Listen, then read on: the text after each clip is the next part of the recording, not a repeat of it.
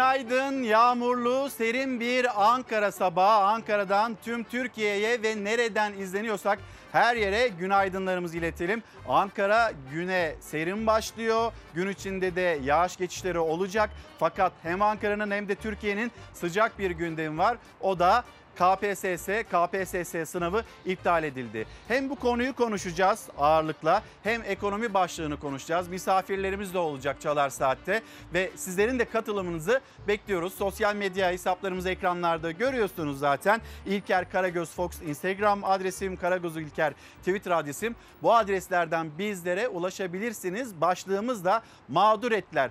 Hiçbir vatandaşımızın KPSS'ye giren hiçbir adayın mağdur olmasına izin vermeyeceğiz deniliyor.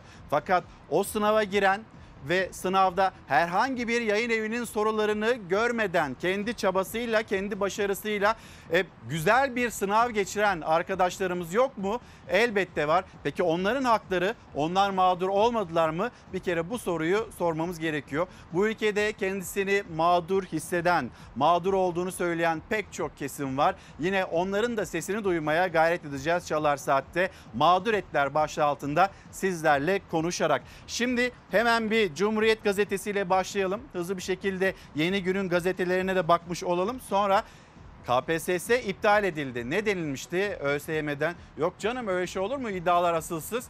ÖSYM Başkanı gitti. Araştırmalar başlatıldı. Sonrasında o yayın evlerine polis baskınları geldi. KPSS iptal edildi. Cumhurbaşkanlığı da Cumhurbaşkanı Erdoğan da Devlet Denetleme Kurulu'nu göreve çağırdı. Devlet Denetleme Kurulu da bir yandan o araştırmalarına devam ediyor. ÖSYM'nin e, başına da yeni bir isim geldi ama işte tesadüf ama yine iddialar doğru değil. E şu anda bizim yaşadığımız ne? O zaman iddialar doğru. Şimdi bir soru hırsızlığı, şaibe bunu konuşuyor Türkiye. Türkiye'nin en önemli başlığı bugünlerde KPSS. Tüm sınavlar araştırılsın. Cumhuriyet Gazetesi'nin manşeti. KPSS iptal edildi ama gözler ÖSYM'nin yaptığı YKS, ALES ve TUS'ta aynı zamanda. Soru hırsızlığı iddiasının ardından KPSS iptal edildi. Yeni takvim 17 Eylül'de başlayacak. Bu gelişmeyle gözler ÖSYM'nin yaptığı diğer sınavlara çevrildi. Şimdi yeni bir takvim var önümüzde. O takvime göre ilerlenecek. Yeni bir sınav yapılacak ve şöyle söylendi. Özür dileriz adaylardan. Biz ayrıca yeni yapılacak olan sınavdan da para almayacağız. Bir de üzerine para alsaydınız o kadar kişiden mağdur ettiğiniz o kadar kişiden bir de üzerine para alsaydınız. Şimdi mağduriyetin şöyle bir durumu da var. E, kamu için yapılan bir sınav Kamuda da yine yapılan açıklamalara baktığımızda da ileri bir tarihte o alımların KPSS'ye bakılıp o alımların gerçekleştiği söyleniyor.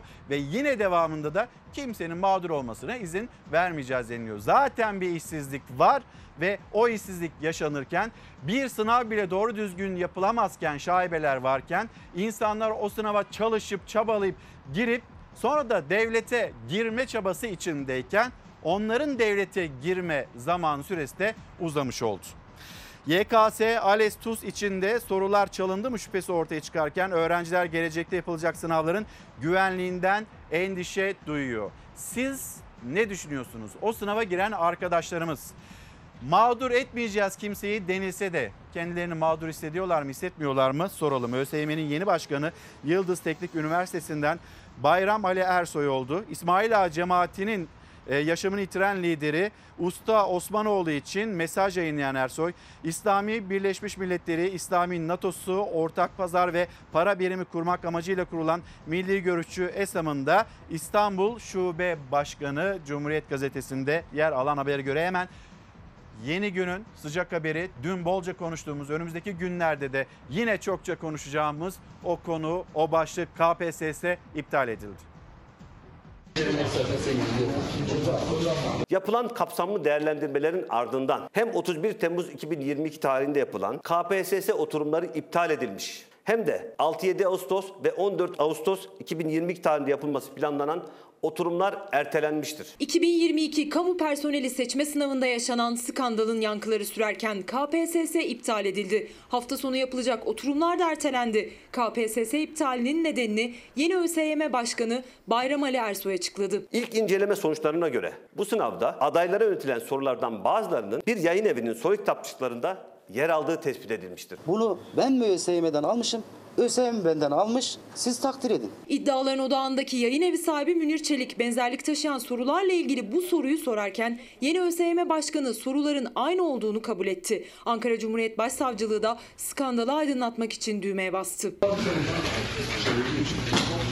Jandarma Asubaylığı Polis Akademisi ALES KPSS pek çok mesleki ve akademik sınav için soru kitapçığı hazırlayan 7 iklim yayın evinin Ankara Ostim'deki dağıtım merkezinde incelemeler sürüyor. 7 iklim yayın evinin deneme sınavı kitapçıklarında yer alan 20 sorunun neredeyse aynılarının KPSS'de çıktığı iddiasıyla soruşturma başladı. Cumhurbaşkanı Erdoğan Devlet Denetleme Kurulu'na talimat verdi. Aynı gün DDK, Cumhuriyet Başsavcılığına suç duyurusunda bulundu. Kaçakçılık ve Organize Şube, Mali Şube ekipleri 7 iklim yayın evinin Ankara'daki dershanesi ve dağıtım merkezine baskın yaptı. 7 İklim Yayın Evi'nin dağıtım merkezinin faaliyetleri durmadı, mühürlenmedi ama kurucusu Münir Çelik Devlet Denetleme Kurulu'nda görüşmedi. Yayın evi sahibi Münir Çelik KPSS deneme sınavları için soru hazırlayan öğretmenlerle birlikte Devlet Denetleme Kurulu'nun çağrısı üzerine Beştepe'ye gitti. Görüşmenin hemen ardından Devlet Denetleme Kurulu Başkanı da sınavın iptaline ilişkin açıklama yaptı. Kamu vicdanını rahatlatmak ve hiçbir vatandaşımızın kafasında soru işareti kalmaması adına 31 Temmuz'da gerçekleşen KPSS'nin iptaline lüzum görülmüştür. Süreçle ilgili Devlet Denetleme Kurulu olarak şeffaf bir şekilde vatandaşlarımızı bilgilendirmeye devam edeceğiz. Soruların ÖSYM tarafından biraz özensiz hazırlandığı, fazla itina gösterilmediği gibi bir sonuç çıkıyor buradan. ÖSYM'yi suçlayan 7 iklim yayın evi çalındığı iddia edilen 20 soruyu da kamuoyuyla paylaştı. Birebir aynı değiller ama örneğin bu matematik sorusunda olduğu gibi şıklardaki ufak bir değişiklikle neredeyse soru aynı. Böyle bir tablonun hem kurumumuzun çalışma ilkeleri, hem hukuk hem de kamuoyu vicdanı bakımından kabulü asla mümkün değildir. ÖSYM'de incelemeler devam ederken yayın evi hakkındaki soruşturma sürerken devlet kurumlarında çalışabilmek adına aylarca ter döken milyonlar için yeni sınav takvimi 17 Eylül'de başlayacak. ÖSYM sınav tekrarında ücret alınmayacağını da açıkladı. Evrensel Gazetesi çürümüşlüğün itirafı manşetiyle çıktı bugün okurlarının karşısına. Sınavlardaki şaibeler ve cemaatlerin elinde olduğu iddiasıyla gündeme gelen ÖSYM, KPSS'deki soruların sızdırıldığını kabul etti. Az önce haberde de izlediniz sizlerle. Hayır öyle değil iddialar doğru değil denilirken şimdi bu soruların sızdırıldığı iddiaları kabul edildi. Tepkiler büyüyünce sınavın iptal edildiği açıklandı. Bir karikatür var hemen bir bakalım o karikatüre de. En güvenilir kurum hangisi? A. Adalet B. TÜİK C. ÖSYM bir soru soruyor Evrensel Gazetesi. D. Hiçbiri. Bu soruyu siz de acaba yanıtlamak ister misiniz? A. Adalet B. TÜİK C. ÖSYM D. Hiçbiri. En güvenilir kurum acaba hangisi? Soruları kim kimden aldı? Yayın evinin savunması ve yine yeni ÖSYM Başkanı soruların aynı olduğunu bir anlamda dün yapmış olduğu açıklamada kabul etti. Özkan Bey günaydın. Devletin en önemli kurumu bunu yapıyorsa biz kime ve neye inanacağız diyor. E, ve mağdur ettiler başlığı altında yazıyor bu mesajı da. E, Cehalet, liyakatsizlik ve utanmazlık öyle yayıldı ki yine hakça emek verenleri mağdur ettiler. Bir başka mesaj. Günaydınlar. Hakkıyla başarılı olmuş gençlere yazık oldu bence. Satılan soruları tam çözen, onların dershaneleri, oralara gidenler, onların sınavları iptal edilsin. Niye bütün sınav iptal ediliyor? Kimi kimden nasıl ayırt edeceksiniz? Bunun tespiti de maalesef çok zor. Kimse mağdur edilmeyecek denilse de mağdur olanlar var. Karşımızdaki tablo bu. Bir de mesela az önce Beril Ötkan haberde gösterdi. Bir bakalım yayın evinin sorusu ÖSYM'nin sorusu. Şimdi bu bir matematik sorusu. Yayın evi diyor ki iyi de ben bu soruyu 17 Temmuz 2022 tarihinde sordum. Yayın evi bunu söylüyor. Sorulara bir bakalım. 7 iklimin sorusu ve hemen yukarıda ÖSYM'nin sorduğu soru. Şıklar aynı. Sadece şıkların yerini değiştirdiğinizde her şey aslında aynılaşıyor. Sonra devam edelim. Bu arada bu kitapçığı da dağıtan yayın eviydi. NASA'nın en gelişmiş uzay teleskobu olan optik donanımları sayesinde en uzak galaksileri dahi görüntüleyerek evren tarihinin aşamalarını inceleyebileceği düşünülen işte uzatılıyor. O teleskop hangisi? Şimdi bu soru aşağıdaki soruyla aynı değil. Ama o teleskobun hangisi olduğunu 17 Nisan 2021 tarihinde 7 İklim Yayın Evi'nin kitapçığından ya da ne bileyim YouTube hesabından baktıysanız, gördüyseniz, o soruyu çözdüyseniz e, yukarıdaki soruyla aynı oldu bir kere. Şimdi bitiyor mu? Bütün sorular aynı değil denilse de sınıf rehber öğretmenlerinin görevlerine ilişkin aşağıdaki ifadelerden hangisi yanlıştır? Soruya gelelim. 7 iklim 12 Haziran 2022 tarihinde bu soruya benzer bir soruyu soruyor. Aşağıdakilerden hangisi sınıf rehber öğretmenlerinin görevlerinden biri değildir? Şimdi diyor ki yayın evi bu soruyu ya da o soruları kim kimden almış? Ben 2021'de, 2022'de hazırladığım işte soru bankalarında ya da YouTube hesabında oradaki o hesap üzerinden soruları çözerken ben hazırladım. Burada özensiz davranan ÖSYM niye gitmiş benim sorumun aynısını almış diye soruyor. Yalnız şöyle bir durum da karşımıza çıkabilir. Devlette soru hazırlayan yayın evlerinden birisi burası ya da onlardan birisi olduğu için şimdi insanlar ya da siyasetçiler o yayın evlerine gidiyorlar fotoğraf da veriyorlar yani onun da görüntüleri ya da fotoğrafları e, yayınlandı. Bugün yine haberlerimizde de paylaşacağız. Şöyle düşünebilir adaylar e oraya gidiyorlarsa ben de o yayın evlerini ağırlıkta takip edeyim. Bundan sonra böyle düşünebilirler. Onların soru bankaları, onların yine YouTube hesapları onları takip edeyim o soruları çözeyim. E benzere yakın sorular çıkıyor. Bitti mi devam edelim. Berkcan'dan ben yine rica edeyim. Türkiye'de son yıllarda iç turizme katılanların sayısında artış görülmektedir. Bu durumun ortaya çıkmasında aşağıdakilerden hangisinin etkisi daha azdır? E, 7 iklim yayın evi ben bu soruyu 27 Şubat 2022 tarihinde sordum. Benim sorumu onlar almış diyor. Hani savunmasını bir kez daha hatırlatalım. Türkiye'de iç turizme katılan kişi sayısı son yıllarda artış göstermeye başlamıştır. Aşağıdakilerden hangisinin bu artış üzerinde etkisi daha azdır?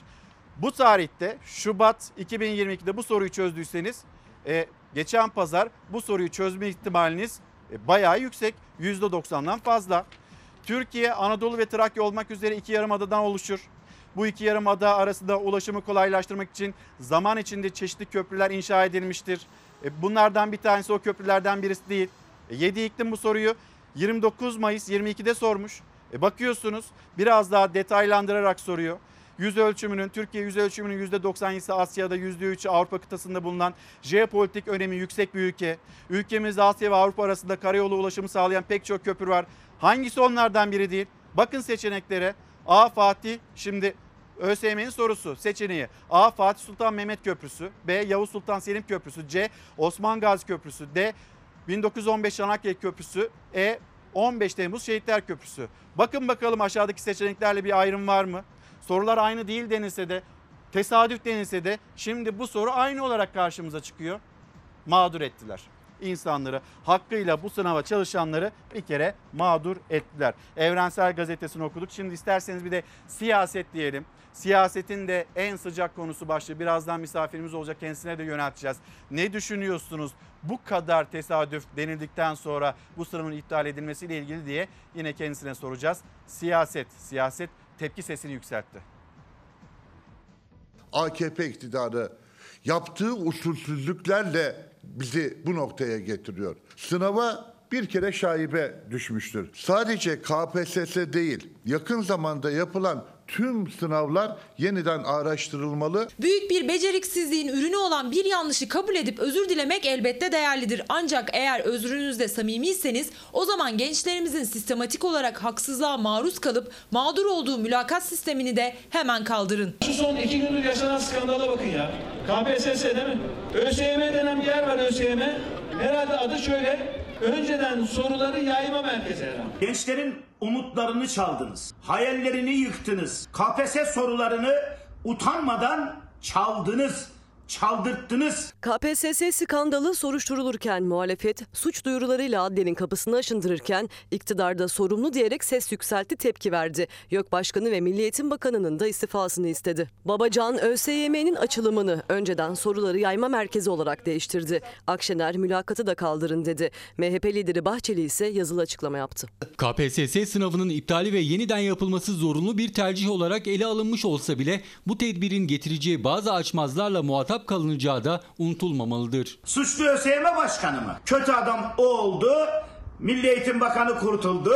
YÖK Başkanı kurtuldu öyle mi? Topyekün istifa etmelisiniz. KPSS skandalıyla birlikte kimsenin güveni kalmadı. Devlet çöktü, iddialar var. Hem Devlet Denetleme Kurulu hem Yükseköğretim Kurumu ve Ankara Cumhuriyet Başsavcılığı ve Ankara Emniyet Müdürlüğü'nün ekipleri e, bu konudaki çalışmalarını sürdürüyorlar. Devlet işinin başında arkadaşlar. İçişleri Bakanı Süleyman Soylu devlet işinin başında derken muhalefet Soylu'nun KPSS skandalında adı geçen 7 iklim yayın evinin tanıtımında yer alan fotoğrafını da gündeme taşıdı. Yayın evinin yöneticilerinin kimine resmi olur? Türkiye'de ne kadar hırsız varsa, ne kadar dolandırıcı varsa hepsiyle resim olan İçişleri Bakanı Süleyman Soylu onun bugün yayın eviyle birlikte resmi çıktı. Ya insan utanıyor bunları söylemekten. FETÖ'cü taktikler hala AKP iktidarı tarafından kullanılıyor. aslında bir iç operasyondu. Cemaatlerin güç savaşıydı. FETÖ'nün boşalttığı alanlara diğer cemaatlerin hepsi birden parsel kapmaya çalışıyor. Bu kadar büyük hatanın yapılması mümkün değil. Sorunun noktasına virgülüne kadar aynı göz göre göre skandalı büyütmek üzere yapılmış bir işlem. Cemaatlerin birbirine operasyonu gözüyle bakmak lazım. CHP'li Mustafa Adıgüzel cemaatlerin tarikatların birbirine operasyonu iddiasını dillendirdi. Muhalefet incelemenin şeffaf yapılmasını istiyor. ÖSYM içerisinde bir şebeke var mı? Bunu bilmek istiyoruz. Sorumlular bir an önce tespit edilmeli. İnsanların algısıyla oynamak, sorunun temeline inmemek kabul edebileceğimiz bir şey değildir. Gelecek Partisi Genel Başkanı Ahmet Davutoğlu da sosyal medya hesabından AK Parti'yi eleştirdi. Ekonomi dökülüyor, sağlık sistemi çöktü, adalet sistemine güven kalmadı, ÖSYM sınav yapamıyor dedi. Dilek Hanım günaydın. Sonuçta dershanelerde bütün yayınları takip edin. Oralardan %100 çıkacak dediler mi? Bitti gitti. Sırf böyle mi mağdur ettiler? Aslında her şekilde mağdur ettiler diye mesajını paylaşıyor. Bir de mesela benim dikkat çekmeye çalıştığım hani kıymet verilen bazı yayın evleri varsa hani oralara gidilip fotoğraflar da veriliyorsa e bakarsınız insanlar oraların yayın evlerini daha fazla takip ederler ve ortaya da garip bir tablo çıkabilir. Ama yayın evi de şunu söylüyor. Ben 2021'de hazırladım. 2022'de hazırladım. Benim sorumu ÖSYM nasıl bir özensizlik gösterip de benzer bir şekilde ya da şıklarına kadar aynı şekilde yayınlıyor. Tam bir böyle Arap saçına dönülmüş durum ve çürümüşlükle ilgili siyasetten gelen açıklamalar var ve yine mağdur edilenler var. Her ne kadar kimseyi mağdur etmeyeceğiz denilse de. Emeklilikte yaşa takılanları e, öyle bir mağdur ettiler ki artık iş bulamıyorlar, geçinemiyorlar. Nefes dahi alamıyoruz. Herkes haklısınız diyor. Bir türlü hakkımızı alamıyoruz. Bir an önce EYT'lileri görün ve bu sorunu çözün artık tükendik diyor. Mustafa Bey günaydın Hatay Reyhanlı'dan yazıyorum. Bir aydan beri evimde su yoktur. Buradan yetkililere seslenir misiniz? Sesimiz olur musunuz demiş. Buradan yetkililere duyurmuş olalım. Hatay Reyhanlı'da yaşanılan su problemi. Sözcü gazetesi bir cemaatçi gidiyor bir cemaatçi geliyor. Hala akıllanmıyoruz. FETÖ'nün soruları çalarak devlete sızdığı ortadayken son KPSS rezaletinin ardından ÖSYM'ye İsmail Ağa cemaati sevdalısı Bayram Ali Ersoy'u atadılar. Sözcü gazetesinin manşeti. Şaibe olduğu için iptal edilen 2022 KPSS'nin ardından ÖSYM başkanlığına atanan Profesör Bayram Ali Ersoy, Saadet Partisi'ne yakın Ekonomik ve Sosyal Araştırmalar Merkezi'nin İstanbul Şube Başkanı. Merkezin yönetiminde milli görüşün ileri gelen isimleri bulunuyor. Ersoy ayrıca İsmail Ağa cemaatinin de sempatizanı. Ersoy'un geçmişte bu cemaate bağlı İlk Seç Vakfı'nın sohbetlerine katıldığı biliniyor. Ersoy geçen Haziran'da ölen İsmail Ağa cemaati lideri Mahmut Usta Osmanoğlu'nun ardından onu öven mesajlar atmıştı. Dün ÖSYM'ye ataması yapıldıktan sonra bu tweetlerde yine hem konuşuldu sosyal medyadan ama yine silindiği de söyleniyor. Cum, e, Sözcü gazetesinde baktığınızda o tweette şu anda ekranlarınıza yansıyor. Bu arada CHP lideri Kemal Kılıçdaroğlu helalleşmeye gitti. Nereye gitti? Uludere'ye gitti. Bunun detaylarını aktaracağız. Fakat ÖSYM ile ilgili açıklamalarını yine CHP lideri tam da oradan, o adresten verdi. Çürümüşlük dedi. Devlette çok büyük bir çürümenin olduğunu biliyorum. Ben boşuna Milli Eğitim Bakanlığı'nın kapısına gitmedim. Boşuna oraya dayanmadım. Boşuna oraya gidip de hakkı, hukuku ve adaleti sağlamak için buranın da mutlaka bir şekliyle adalet dağıtması gerektiğini söyledim. Sözlüde hakları yenilenler vardı. Sınavlarda hakları yenilenleri de gördük. Çürüyen bir yapı var ve bu çürüyen yapıyı düzeltmek zorundayız. Burada adaleti nasıl sağlıyorsak hakkı yenen KPSS sınavına girip hakkı yenen bütün evlatlarımızın da hakkını hukukunu savunmak zorundayız. Bu ülkeye adaleti getireceğiz. Biz Türkiye'de adalet içinde yaşamak zorundayız. Adalet bu ülkeye gelirse huzur gelir. Milli Eğitim Bakanlığı saraydan tutun en aşağıya kadar. Çürüyen bir devlet yapısı var. Liyakat yok, ahlak yok. Her şey bir anlamda bitmiş vaziyette. Ama hepsini düzelteceğiz. Söz verdim bir daha söz veriyorum. Adalet bu ülkeye ya gelecek ya gelecek. Teşekkür ederim. Hürriyet gazetesi manşete gelmeden önce seçtiğimiz iki ayrıntı daha var. Onları da aktaralım. Kuzu etine %25 indirim kampanyası. Et ve Süt Kurumu bugünden geçerli olmak üzere koyun kuzu toklu etine %25'e varan indirim yaptı. Memleketimizdeki indirimler görüyorsunuz. Takdirinize de sunuyoruz. Kuzu etine %25 indirim kampanyası. Et ve Süt Kurumu'nu hatırlayacaksınız. Başkanını, önceki başkanını kapının önünde uzun kuyruklar oluyor diye orada yani o adresten uygun fiyattan et almaya çalışanlar kapının önünde kuyruk oluyor diye ete zam yapılmıştı. Şimdi kuzu etine indirim varmış. O kampanya duyuruluyor. Kuzu koyun eti kampanyasına göre gövde kuzu 129.75 liradan 98 liraya. Kuzu pirzola 181 lira 50 kuruştan 137 liraya. Kuzu gerdan 114 lira 50 kuruştan 86 liraya inecek. Kurum halkımızın uygun fiyatlarla kaliteli kuzu eti tüketmesi sağlanacak açıklaması yaptı. Kurban Bayramı'ndan sonra et fiyatlarında bir ucuzlama bekleniyordu. Ete %10 seviyesinde bir zam geldi. Et ve Süt Kurumu daha önce kapısının önünde kuyruk oluyor diye zam yapan Et ve Süt Kurumu kuzu etine %25'lik bir indirim yapıyor. Hürriyet gazetesinde de logonun altında bu haber var. Güler'in süresi bir yıl uzatıldı. Cumhurbaşkanı Erdoğan'ın başkanlığında toplanan Yüksek Askeri Şura'da Genelkurmay Başkanı Orgeneral Yaşar Güler'in görev süresi bir yıl uzatıldı. Deniz Kuvvetleri Komutanı Or Amiral Adnan Özbal ve Hava Kuvvetleri Komutanı Orgeneral Hasan Küçük Akgüz emekliye sevk edildi. Deniz Kuvvetleri Komutanlığı'na Donanma Komutanı Or Amiral Ercüment Tatlıoğlu getirilirken Hava Kuvvetleri Komutanlığı'na Muharip Hava Kuvveti Komutanı Orgeneral Atilla Gülan atandı. Gelelim Hürriyet Gazetesi manşeti. İşte karar anı. 31 Temmuz'da yapılan KPSS iptal edildi. 6, 7 ve 14 Ağustos Ağustos'ta yapılacak olan sınavlar da ertelendi. Dün yeni ÖSYM Başkanı açıkladı. Yeni sınav takvimi 17 Eylül'de başlayacak. Hande Fırat Cumhurbaşkanı Erdoğan'ın KPSS iptal edilsin kararını verdiği o anı yazdı. Hürriyet gazetesinin manşetinden bir o ana hep birlikte bakalım. Cumhurbaşkanı Erdoğan Devlet Denetleme Kurulu raporunun hızla tamamlanmasını istedi. Son durum çarşamba akşamı Devlet Denetleme Kurulu ve YÖK başkanları tarafından Erdoğan'a anlatıldı. Başkanlar tereddüt olmamalı, soru işareti kalmamalı dedi. Erdoğan da durumun önemine dikkat çekti ve o an kararını verdi. KPSS iptal edilsin talimatı. Müfettişlerin bir kısmı ÖSYM içinde araştırma yapıyor. KPSS'deki sorular tek tek taranıyor. Her sorunun nasıl seçildiği inceleniyor.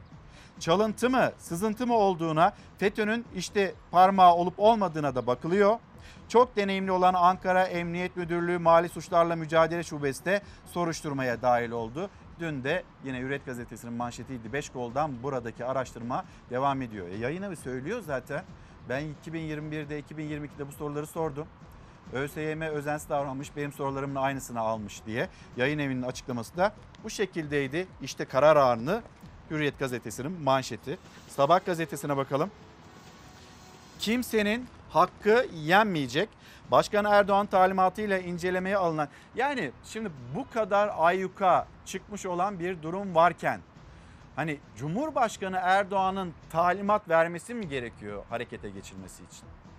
Başkan Erdoğan talimatıyla incelemeye alınan KPSS oturumu iptal edildi diye söze başlamamız mı gerekiyordu? Yani bu ülkenin savcıları, bu ülkede kurumlar, devlet denetleme kurulu burada şaibe çıktığında 1,5 milyon yaklaşık 2 milyon insan hani onların gönülleri rahat olsun diye kimse mağdur olmasın diye kurumlar zaten otomatik olarak harekete geçmeyecek mi? İlla bir yere bir adrese bir kişiye bakmak durumundalar mı? Bunu da konuşalım. Jet hızıyla alınan kararlar sınava giren yüz binlerce genci rahatlattı. KPSS sorularının bir yayın evinin deneme sınavıyla benzerlik göstermesi üzerine başlatılan inceleme sonuçlandı ve işte o sınavlar ertelendi. Az önce de okumuş olduğumuz üzere. Şimdi gelelim. Hani Erdoğan devreye girdi, talimat verdi. Karar gazetesi çok doğru bir soru soruyor. Peki mülakat şaibesi ne olacak? Girdiğiniz sınava işte 90'ın üzerinde puan aldınız ve bir bakıyorsunuz işte 60 alanlar, 70 alanlar, hani 70 alanlar, 70'in üstünde alanlar mülakatta sizin önünüze geçebiliyor. E ne olacak peki? Mülakatlarda şaibe yok mu? Bu şaibenin altından kimse kalkamaz tepkileri sonrası KPSS iptal edildi. Sınavın iptali gerekli bir adım olarak olumlu karşılansa da adaletsizliğe yol açan asıl problemin mülakatlar olduğu hatırlatıldı. Sınavdan geçen mülakatta eleniyor. Emekler, hayal- hayaller çalınıyor. Kayırmacılık ve ayrımcılık e, aracına dönüşen mülakat uygulamasına neşter şart çağrıları yükseldi. Siyasetten de yükseldi. Zaten çok uzun süredir arkadaşlarımızdan da o sınavlara giren yüksek puan alıp da birden mülakatta eleni veren arkadaşlarımızdan da geliyordu. Gelelim 130 yıllık hastanede alev kapanı. İstanbul Zeytinburnu'ndaki Balıklı Rum Hastanesi'nin çatısında çıkan yangın büyük korku yarattı ve sonrasında da aslında kelimenin tam anlamıyla bu habere hızlıca bir geçiş yapalım. Yönetmenimizden Savaş'tan ben bir rica edeyim. Facianın eşiğinden kıl payı dönüldü.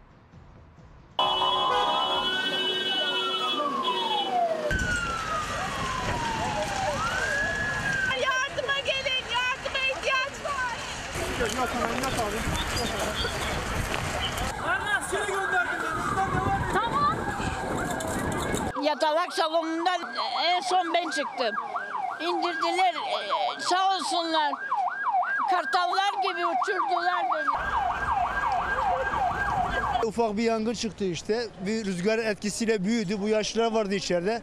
Çatıda çıkan yangın dakikalar içinde dev bir aleve dönüştü. Çatının tamamını sardı. Dumandan göz gözü görmez oldu. Bu dehşet görüntüye rağmen içerideki 104 hasta kısa sürede tahliye edildi. Olayın yaşandığı blokta bulunan 103 hasta herhangi bir yaralanma olmadan tahliye edilmiştir. Bazı hastalar diğer bölümlere yatırılmış. 76 kişi Profesör Murat Dilmener Acil Durum Hastanesi'ne nakledilmiştir. Davut. Ahliyenin o tarafa diyorlar.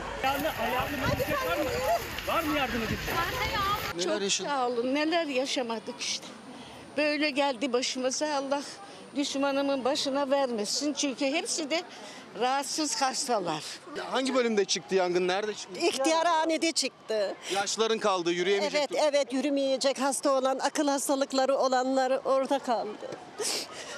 Orada bir tane bizim yakınımız da vardı. Çatısından alevler yükselen hastaneyi şu anda söndürme çalışmaları devam ediyor. Bir yandan da içeride mahsur kalan hastaların kurtarılması için uğraşıyor ekipler. Hastalar tek tek dışarıya çıkartılıyorlar. Alevlerin yükseldiği yer İstanbul Zeytinburnu Balıklı Rum Vakfı Hastanesi içinde bulunan yaşlı bakım evi. 42'si yatağa bağlı. 104 yaşlı hasta vardı içeride. Bütün hastane seferber oldu onları kurtarmak için. İçeride kaldı. İçeride kaldı. Kim kaldı? Helikopter kullanılacak mı efendim? Şu anda arkadaşlarımız o, onu tartışıyorlar ama binanın öyle bir müdahaleyi kaldırma şansı yok. İtfaiye ekipleri yangına müdahale ederken Orman Bölge Müdürlüğü'ne ait helikopterde müdahale için hazır bekliyordu. Ancak havadan müdahale riskliydi. Helikopter uzun süre havada beklese de aşağıdaki görevlilerin can güvenliği için müdahale etmesine izin verilmedi. İçinde kimse olmadığı için bir saat geç olsun ama cana bir şey gelmesin. Tabii tabii. Abi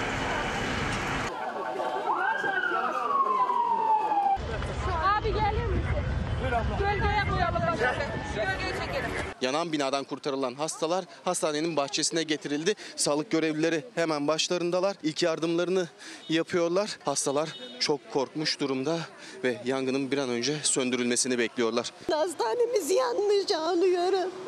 Yakınlarımız vardı orada.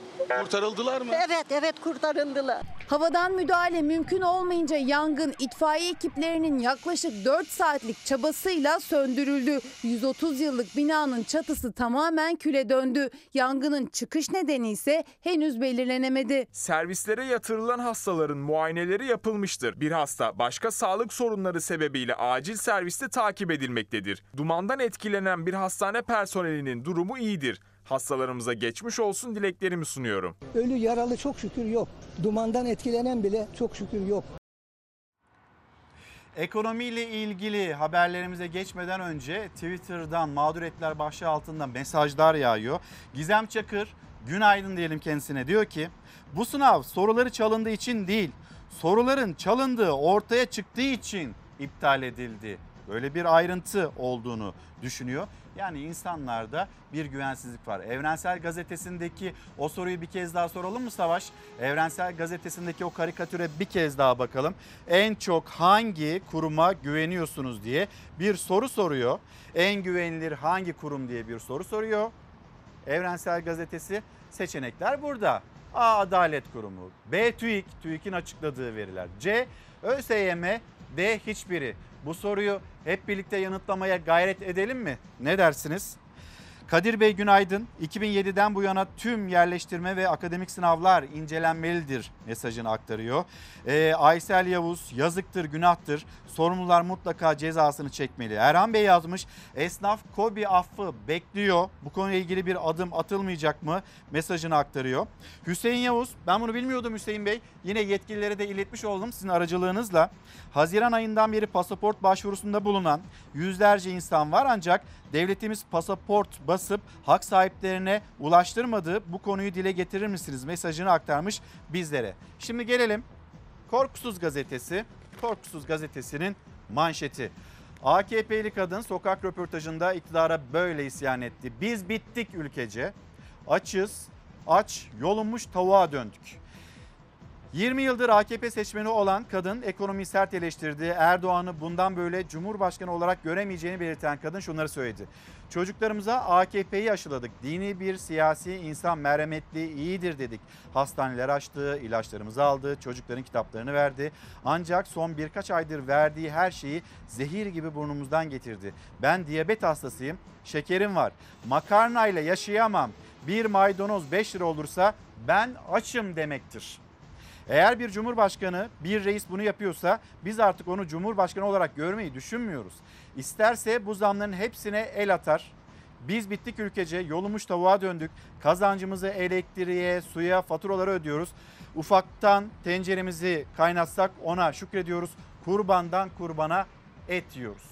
İşte yapmış olduğu açıklama bu şekildeydi. Sosyal medyada takip ettiyseniz sizler de görmüşsünüzdür. Şimdi bir tarafta kendisini, durumunu böyle anlatan insanlar var. Diğer tarafta e, Hazine ve Maliye Bakanı var. Olur mu öyle şey? Tamam dünyada da enflasyon yüksek dolayısıyla bizde de yüksek ama parametrelere baktığımızda önümüzdeki günler güzel.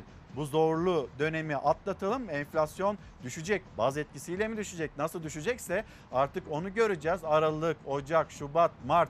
Mart ayı hepsinden güzel olacak. Zaten seçime doğru da belirli bir ivme de kazanmış olacak. Eksi yönlü.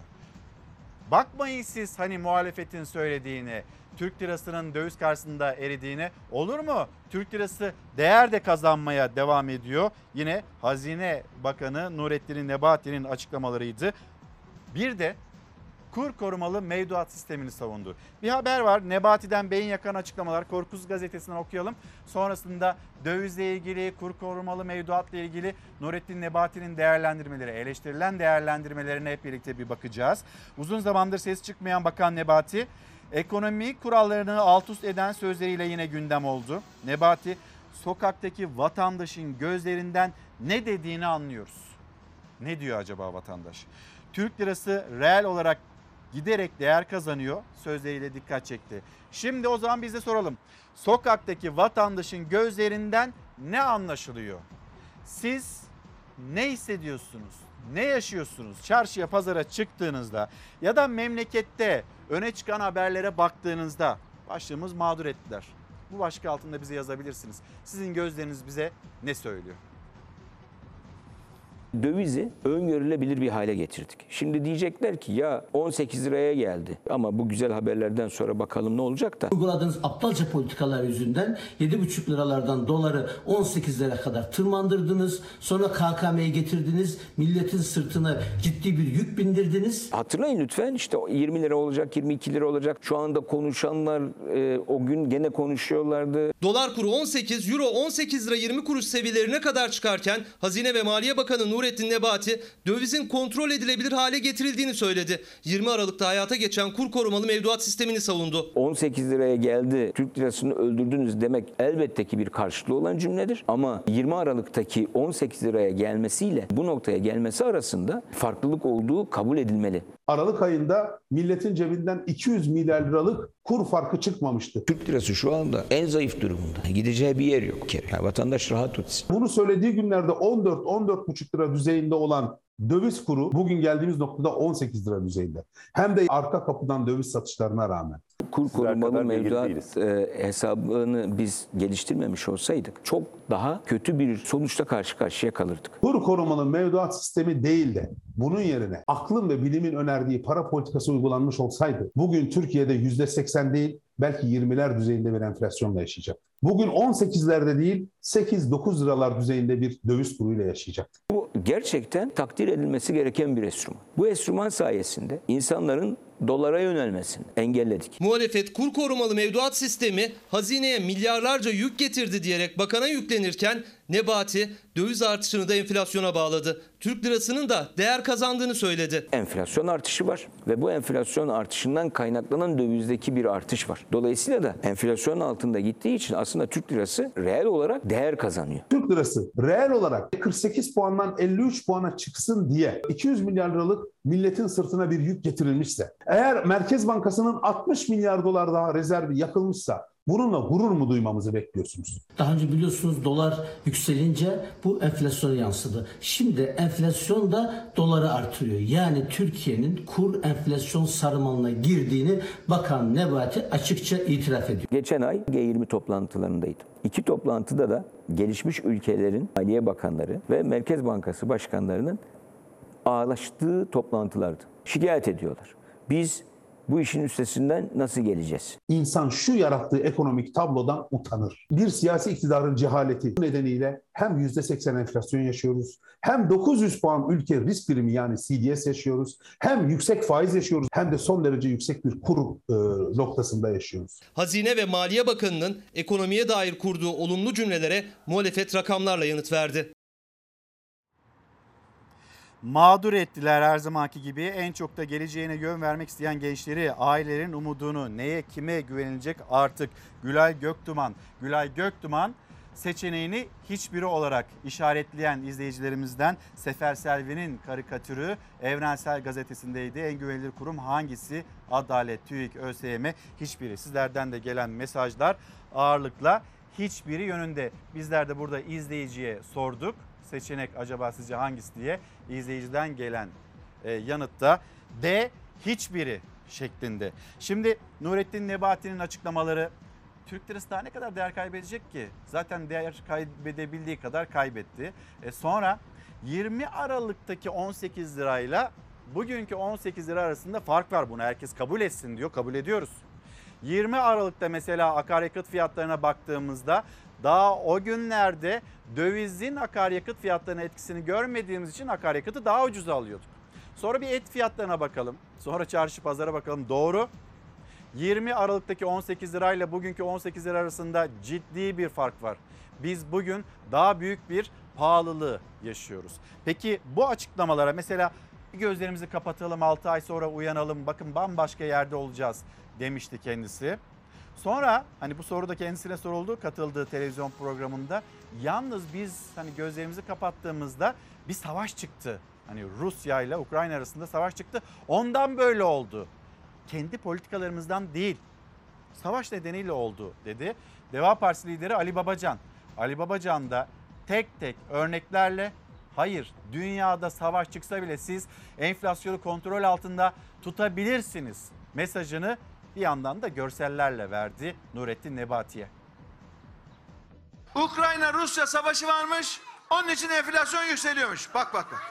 Ya kardeşim Ukrayna Rusya savaşın içinde onlarda bile bizim kadar enflasyon yok ya. Bu saçmalığa bir cevap vermemiz gerekiyor bakın. Kimse kusura bakmasın. Yıl 2002. Bu arkadaşınız ekonominin başına geçti değil mi? 2003'te Amerika Irak'a savaş açtı. İran tamamını işgal etti. Aynı 2003'te biz ne yaptık? %29 olan enflasyonu indirdik %18'e. Yıl 2004. 2004'te Irak Savaşı daha devam ediyor bitmedi. Artı ne oldu? 2004'te terör eylemleri olmaya başladı Türkiye'de. Her yerde terör yoğunlaştı. Aynı 2004'te biz ne yaptık? 29'dan 18'e indirdiğimiz enflasyonu 9'a indirdik. Bahane bulduk mu? Şurada savaş var, burada savaş var dedik mi? Şurada terör var, burada terör var dedik mi? Demedik. Enflasyonu tek haneye indirdik. Paradan da 6-0 attık. Gelelim 2011'e. Komşumuz Suriye'de iç savaş patladı. 2011'de enflasyon kaç? %4,9. Gelelim 2014'e. Rusya Kırım'ı ilhak etti. Enflasyon kaç? Yüzde sekiz. IŞİD Musul'u ele geçirdiğinde Haziran 2014'te enflasyon Türkiye'de yüzde dokuzdu. Ya arkadaş demek ki neymiş? Sen ekonomiyi doğru düzgün yönettiğinde savaş olsa dahi, terör olsa dahi enflasyon artmıyormuş bu ülkede. Dünyada savaşlar bile olsa, rejimler bile yıkılsa siz ekonomiyi düzgün yönetin, enflasyon tek hanede tutarsınız. Eskiden ev almak lüks derdik, şimdi kirada oturmak bile lüks geliyor. Eskiden et yemek lüks derdik, şimdi tavuk yemek bile lüks geliyor. Hani çok eskiden de bahsetmiyor aslında bu mesajı yazan izleyicimiz Mehmet Namlı. Eskiden uçak yolculuğu lüks derdik, şimdi otobüs yolculuğu bile lüks geliyor. Vatandaş karpuzu dilimle, muzu taneyle alıyor, mağdur ettiler. Şimdi reklamlara gideceğiz ama reklamlara giderken bir Uşak'a uğrayacağız. Uşaklı bir pazarcının sesini duyup öyle reklamlar. Pazarda ürünlerimiz satılmıyor. 5 TL'ye satamıyoruz. Ürettiğimizin karşılığını alamıyoruz. Bu pazarda bu pazara gezdiriyoruz pahalı. Yani buna bir çare, bir dur diyen olması lazım. Gübreyle bozuda çalışıyor. Ürettiğimizin artık bir kendimize kar payı kalmadı yani. Nasıl işin içinden çıkacağız? Bana bir söyleyen olsun ya. Çıkamıyoruz işin içinden. Üretmeye korkar olduk. Bir kilo seral ayronu geçen yıl 20 liraydı şu anda 65 lira oldu. Ben seneye yapmayacağım yani. Kendime ceza vereceğim, üretmeyeceğim, üretemeyeceğim. Çünkü mazot bağlı, benim buraya gelmeyen 500 TL. Her pazara 500 TL'ye kazanmıyor mu? Üretmiyor mu? Üretemiyor. Üretemeyişim. Ben bu işi bırakacağım yani. Millet ne yiyecek? Millet ne yiyecek? Onu düşünüyorum, üzülüyorum da yani. Efendim bir kez daha günaydın. Çalar Saat devam ediyor. Az önce de söylemiş olduğum üzere misafirimiz geldi. Cumhuriyet Halk Partisi Parti Meclisi üyesi aynı zamanda Ankara Milletvekili Gamze Taşçıer şu anda Çalar Saat'te misafirimiz. Günaydın. Günaydın. Hoş geldiniz. Hoş bulduk. Nasılsınız? İyi yayınlar diliyorum. Gayet iyiyim. Güzel bir Ankara sabahında da sizlerle birlikte olduğumuz Biz için yayına mutluyuz. başlarken böyle serindi, biraz da böyle yağacak gibiydi. Evet. Ama şunu söyledik. Ankara'da serin bir sabah ama siyaset ve gündem hem Ankara için hem de Türkiye için oldukça sıcak. Neden bunu söylüyoruz? İşte karşımızda bir KPSS, bir Evet. sınav iptali, mağdur olan kesimler var. Bugün başlığımızda mağdur ettiler. Hı hı. İsterseniz başlıkla başlayalım. Ne Hı hı. söylersiniz mağduriyetle ilgili? Evet, öncelikle şöyle söyleyeyim İlker Bey. 20 yılda bir avuç dışınlık dışında, bir avuç azınlık dışında herkesi mağdur etti iktidar. En son örneğini de işte KPSS'de gördük.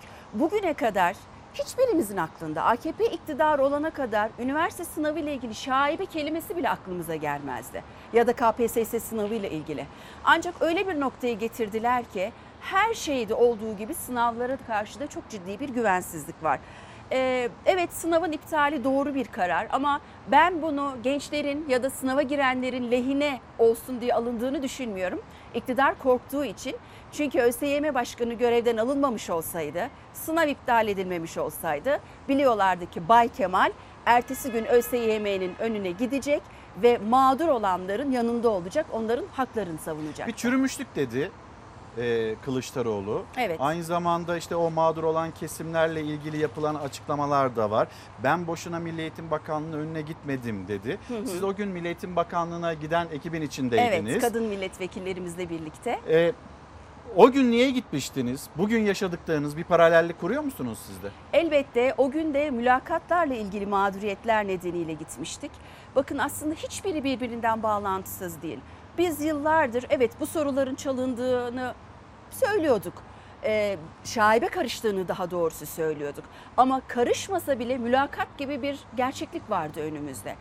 Sınavda bakıyorsunuz 90 almış, 95 almış kişiler mülakatta çok düşük puan verilerek elenirken sınavda çok düşük puan alanların devlete yerleştirdiğini görüyoruz. Bugün Tolga Şardar'ın çok önemli bir yazısı var. Bakın İçişleri Bakanlığı 15 Temmuz darbe girişiminden çok sonra göreve getirdiği kişileri geçtiğimiz günlerde ihraç etti. Ve hepsi mülakatla alınmış. Ve iddiasına göre mülakatla aslında kimlerin göreve getirileceği, kimlere kaç puan verileceği belliydi. İşte biz bu çürümüşlüğe karşıyız. Bütün kurumları çürüttüler. 20 yılda devlet kurumunu, devlete olan güveni çürüttüler. Bakın bugün TÜİ'nin açıkladığı verilere güvenmiyoruz. Bakanlığın salgınla ilgili açıkladığı verilere güvenmiyoruz. Sınavlara güvenmiyoruz. Hiçbir şeye güvenmiyoruz. Adalete güvenmiyoruz en önemlisi. Ve şunu da özellikle altını çizmem gerekiyor. İlker Bey bunu bu yaşanan skandalı salt bir iki yakınımı devlet memuru yapayım diye çok basite indirgememek lazım. Bakın 15 Temmuz darbe girişimi gibi çok acı bir tecrübe yaşadık. Ve maalesef geldiğimiz noktada iktidarın bu tecrübeden hiçbir ders almadığını üzülerek gözlemliyoruz. Bu olay bakın e, polis akademisi çalıştayında KPSS'de, ÖSS, ALES, bekçilik, polislik sınavlarına sınavlarının nasıl çalındığı rapor edildi 15 Temmuz sonrası yapılan bu çalıştayda. Bu şu demek birileri devleti hala ele geçirmeye çalışıyor. Ve AKP FETÖ gitti başka cemaatleri desteklediği sürece maalesef biz çok daha acı 15 Temmuz sürecini tekrarını yaşamak gibi bir durumla karşı karşıya kalabiliriz. Gidez öyle bir durumla bir kez daha karşı karşıya kalmayız. Şimdi sağlık çalışanları onların yaşadığı mağduriyetler bugün Cumhuriyet Gazetesi'nde e, yine eczacılarla ilgili sizin mesleğiniz zaten. E, onların yaşadığı problemlerle ilgili de bir haber var. Hı hı. Onu da konuşmak istiyoruz. E, Esin Davutoğlu Şenol Evet. başına gelenler, sonrasında o kişinin serbest kalması, ölümle tehdit ettikten sonra serbest kalması. Evet. Yine sağlıkçılarımızın meselesini de bolca konuşacağız ama bugün başlığımız mağduriyetler. Şimdi bakıyoruz bu meselede yayın evi e, bu olayın tarafı olarak biz de mağduruz diyor. ÖSYM Başkanı, görevden alınan ÖSYM Başkanı onun açıklaması birileri başarılarımızdan rahatsız olmuş ki düğmeye bastı. Kırgın değilim, üzgünüm. Bir yandan böyle kumpas iddiasında bulunuyor kendisine yönelik ve diğer tarafıyla da bir mağduriyeti dillendiriyor. Hı hı. Ortada çok daha büyük bir mağdur kesim var. Onların sesi çok fazla duyulamadığı için biz de aslında bu başlığı seçtik. E, öğrenciler hakkıyla o sınava girenler onların da yine sesi olsun diye mağduriyetler başlığı ile konuşmak istiyoruz. Şimdi yayın evi, yayın evinin iddialarına bakalım. Sonra işte 7 iklimin sorusu, ÖSYM'nin sorusu bir karşılaştırma yapalım.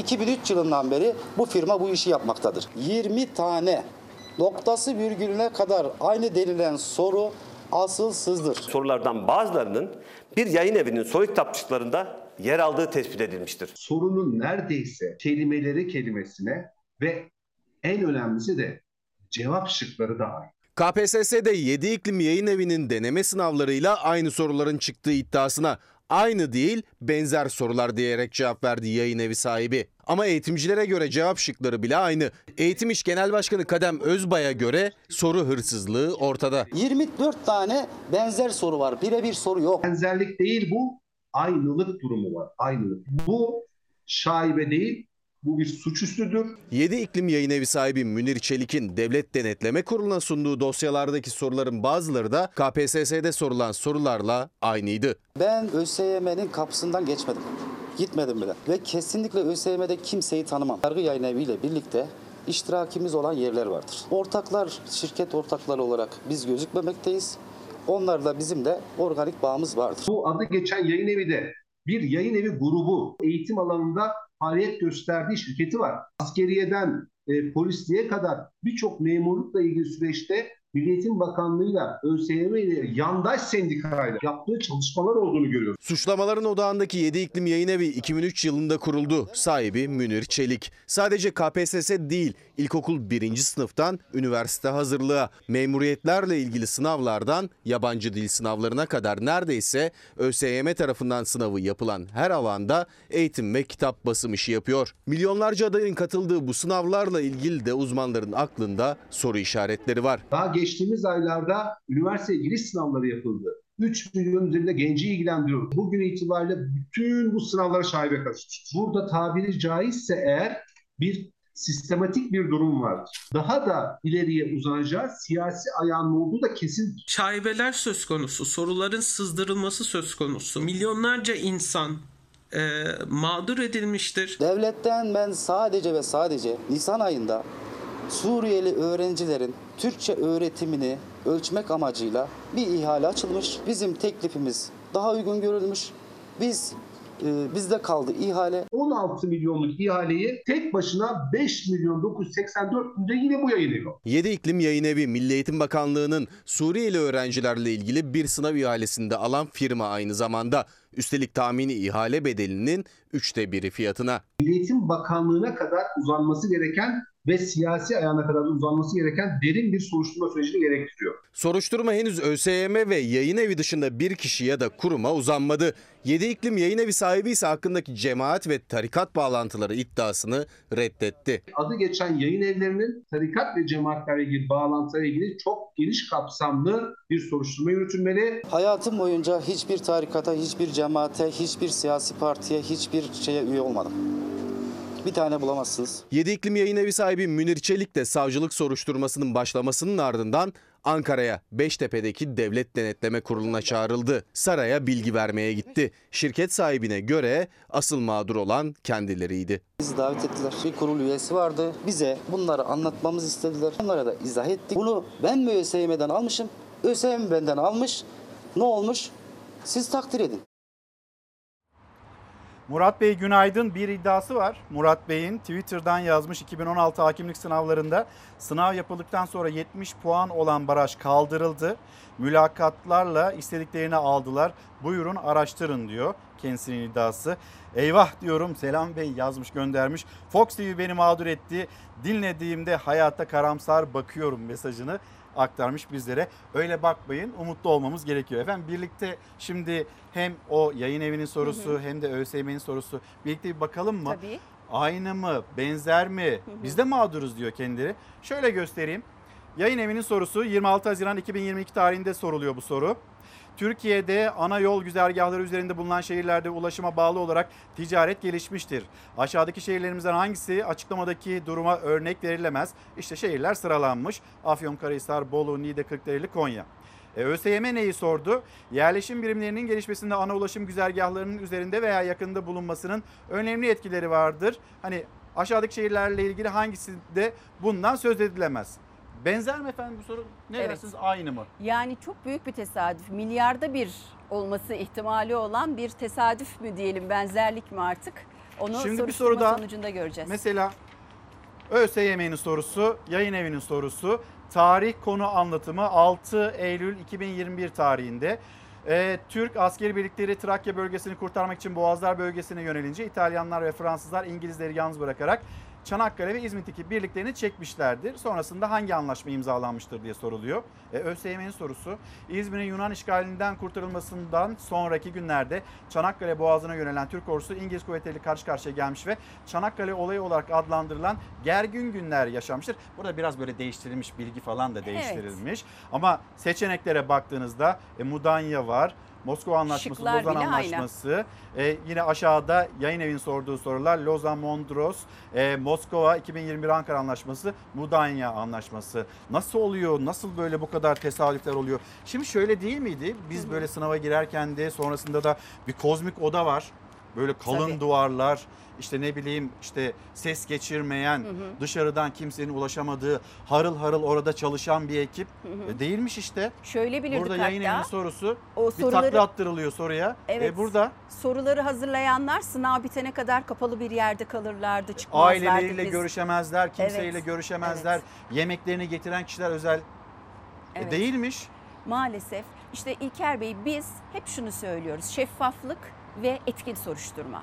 Burada yayın evi mağdur olduğunu söylüyor. ÖSYM Başkanı mağdur oluyor söylüyor. Peki hayalleri, umutları çalınan insanların mağduriyetini kim giderecek? Geriye dönük sınava girmiş insanların mağduriyetlerini, kafalarındaki soru işaretlerini kim giderecek? Bu nedenle etkin bir soruşturma yapılması. Bakın Ankara Milletvekilimiz Yıldırım Kaya bir iddiada bulundu. Sınavdan bir ay önce 432 ÖSYM personelinin yeri değiştirildi. Kim bunlar? Nereye görevlendirildi? Kim değiştirdi? Bunların hepsinin şeffaf bir şekilde aydınlanması ve bu soru işaretlerinin giderilmesi lazım. Hükümete yönelik bir kumpas olarak değerlendirilen AK Parti'nin önemli isimleri de var. Mesela onlardan bir tanesi Şamil Tayyar, Hı hı. Metin Külük. Göreceğiz. Eğer etkin bir soruşturma yapmazlarsa, ayrıntılı bir şekilde kimlerin bu olayda parmağı olduğunu tespit etmezlerse, kimin nerede, e, bu işin içerisinde olduğunu, iktidarın da bu işte bir payı olup olmadığını hep birlikte göreceğiz. Ama şundan da hiçbir gencimizin umutsuzluğu olmasın. Er ya da geç, bugün olmazsa adalet yerini bulacak ve gençlerimizin umutlarını, hayallerini kimseye çaldırtmak gibi bir niyetimiz yok. Efendim şimdi piyasalarda e, açıldı. Hem bir piyasalara bakalım. Sonrasında sağlık, sağlık çalışanlarının durumu, eczacılar, eczacıların durumu. Bu başlığa da geçelim. Biz e, geçtiğimiz ayda en fazla harcamayı aslında sağlık konusunda yapmışız. Evet. Cumhuriyet Gazetesi'ni ben şöyle önüme alayım ama bir yandan da ekranlara yönetmenimiz yansıtabilirse dolar ne kadar, euro ne kadar, işte çeyrek altın, gram altın ne kadar hangi seviyelerde onu da hemen göstermiş olalım izleyicilerimize. Baktığımızda hemen bir gelsin savaş. Dolar ne kadar yeni günde, yeni güne nasıl başlıyor, haftayı nasıl tamamlıyor? 17 lira 94 kuruş seviyesinde. Euro 18 lira 39 kuruş. Çeyrek altın 1687. Şimdi siz muhalefet milletvekili olarak sokağa çıktığınızda başka bir tabloyla karşılaşıyorsunuz. Hı hı. Ama hükümette ya da Hazine Bakanı bambaşka bir tabloyu da bir yandan bizlere e, aktarıyor. Dolarda, euroda, çeyrek altında tablo bu şekilde. Bir isterseniz e, sağlık harcamaları bu konuyla ilgili haberimiz hazır. Onu bir paylaşalım. Tamam. Sonrasında da konuşalım. Tabii ki. Buyurun.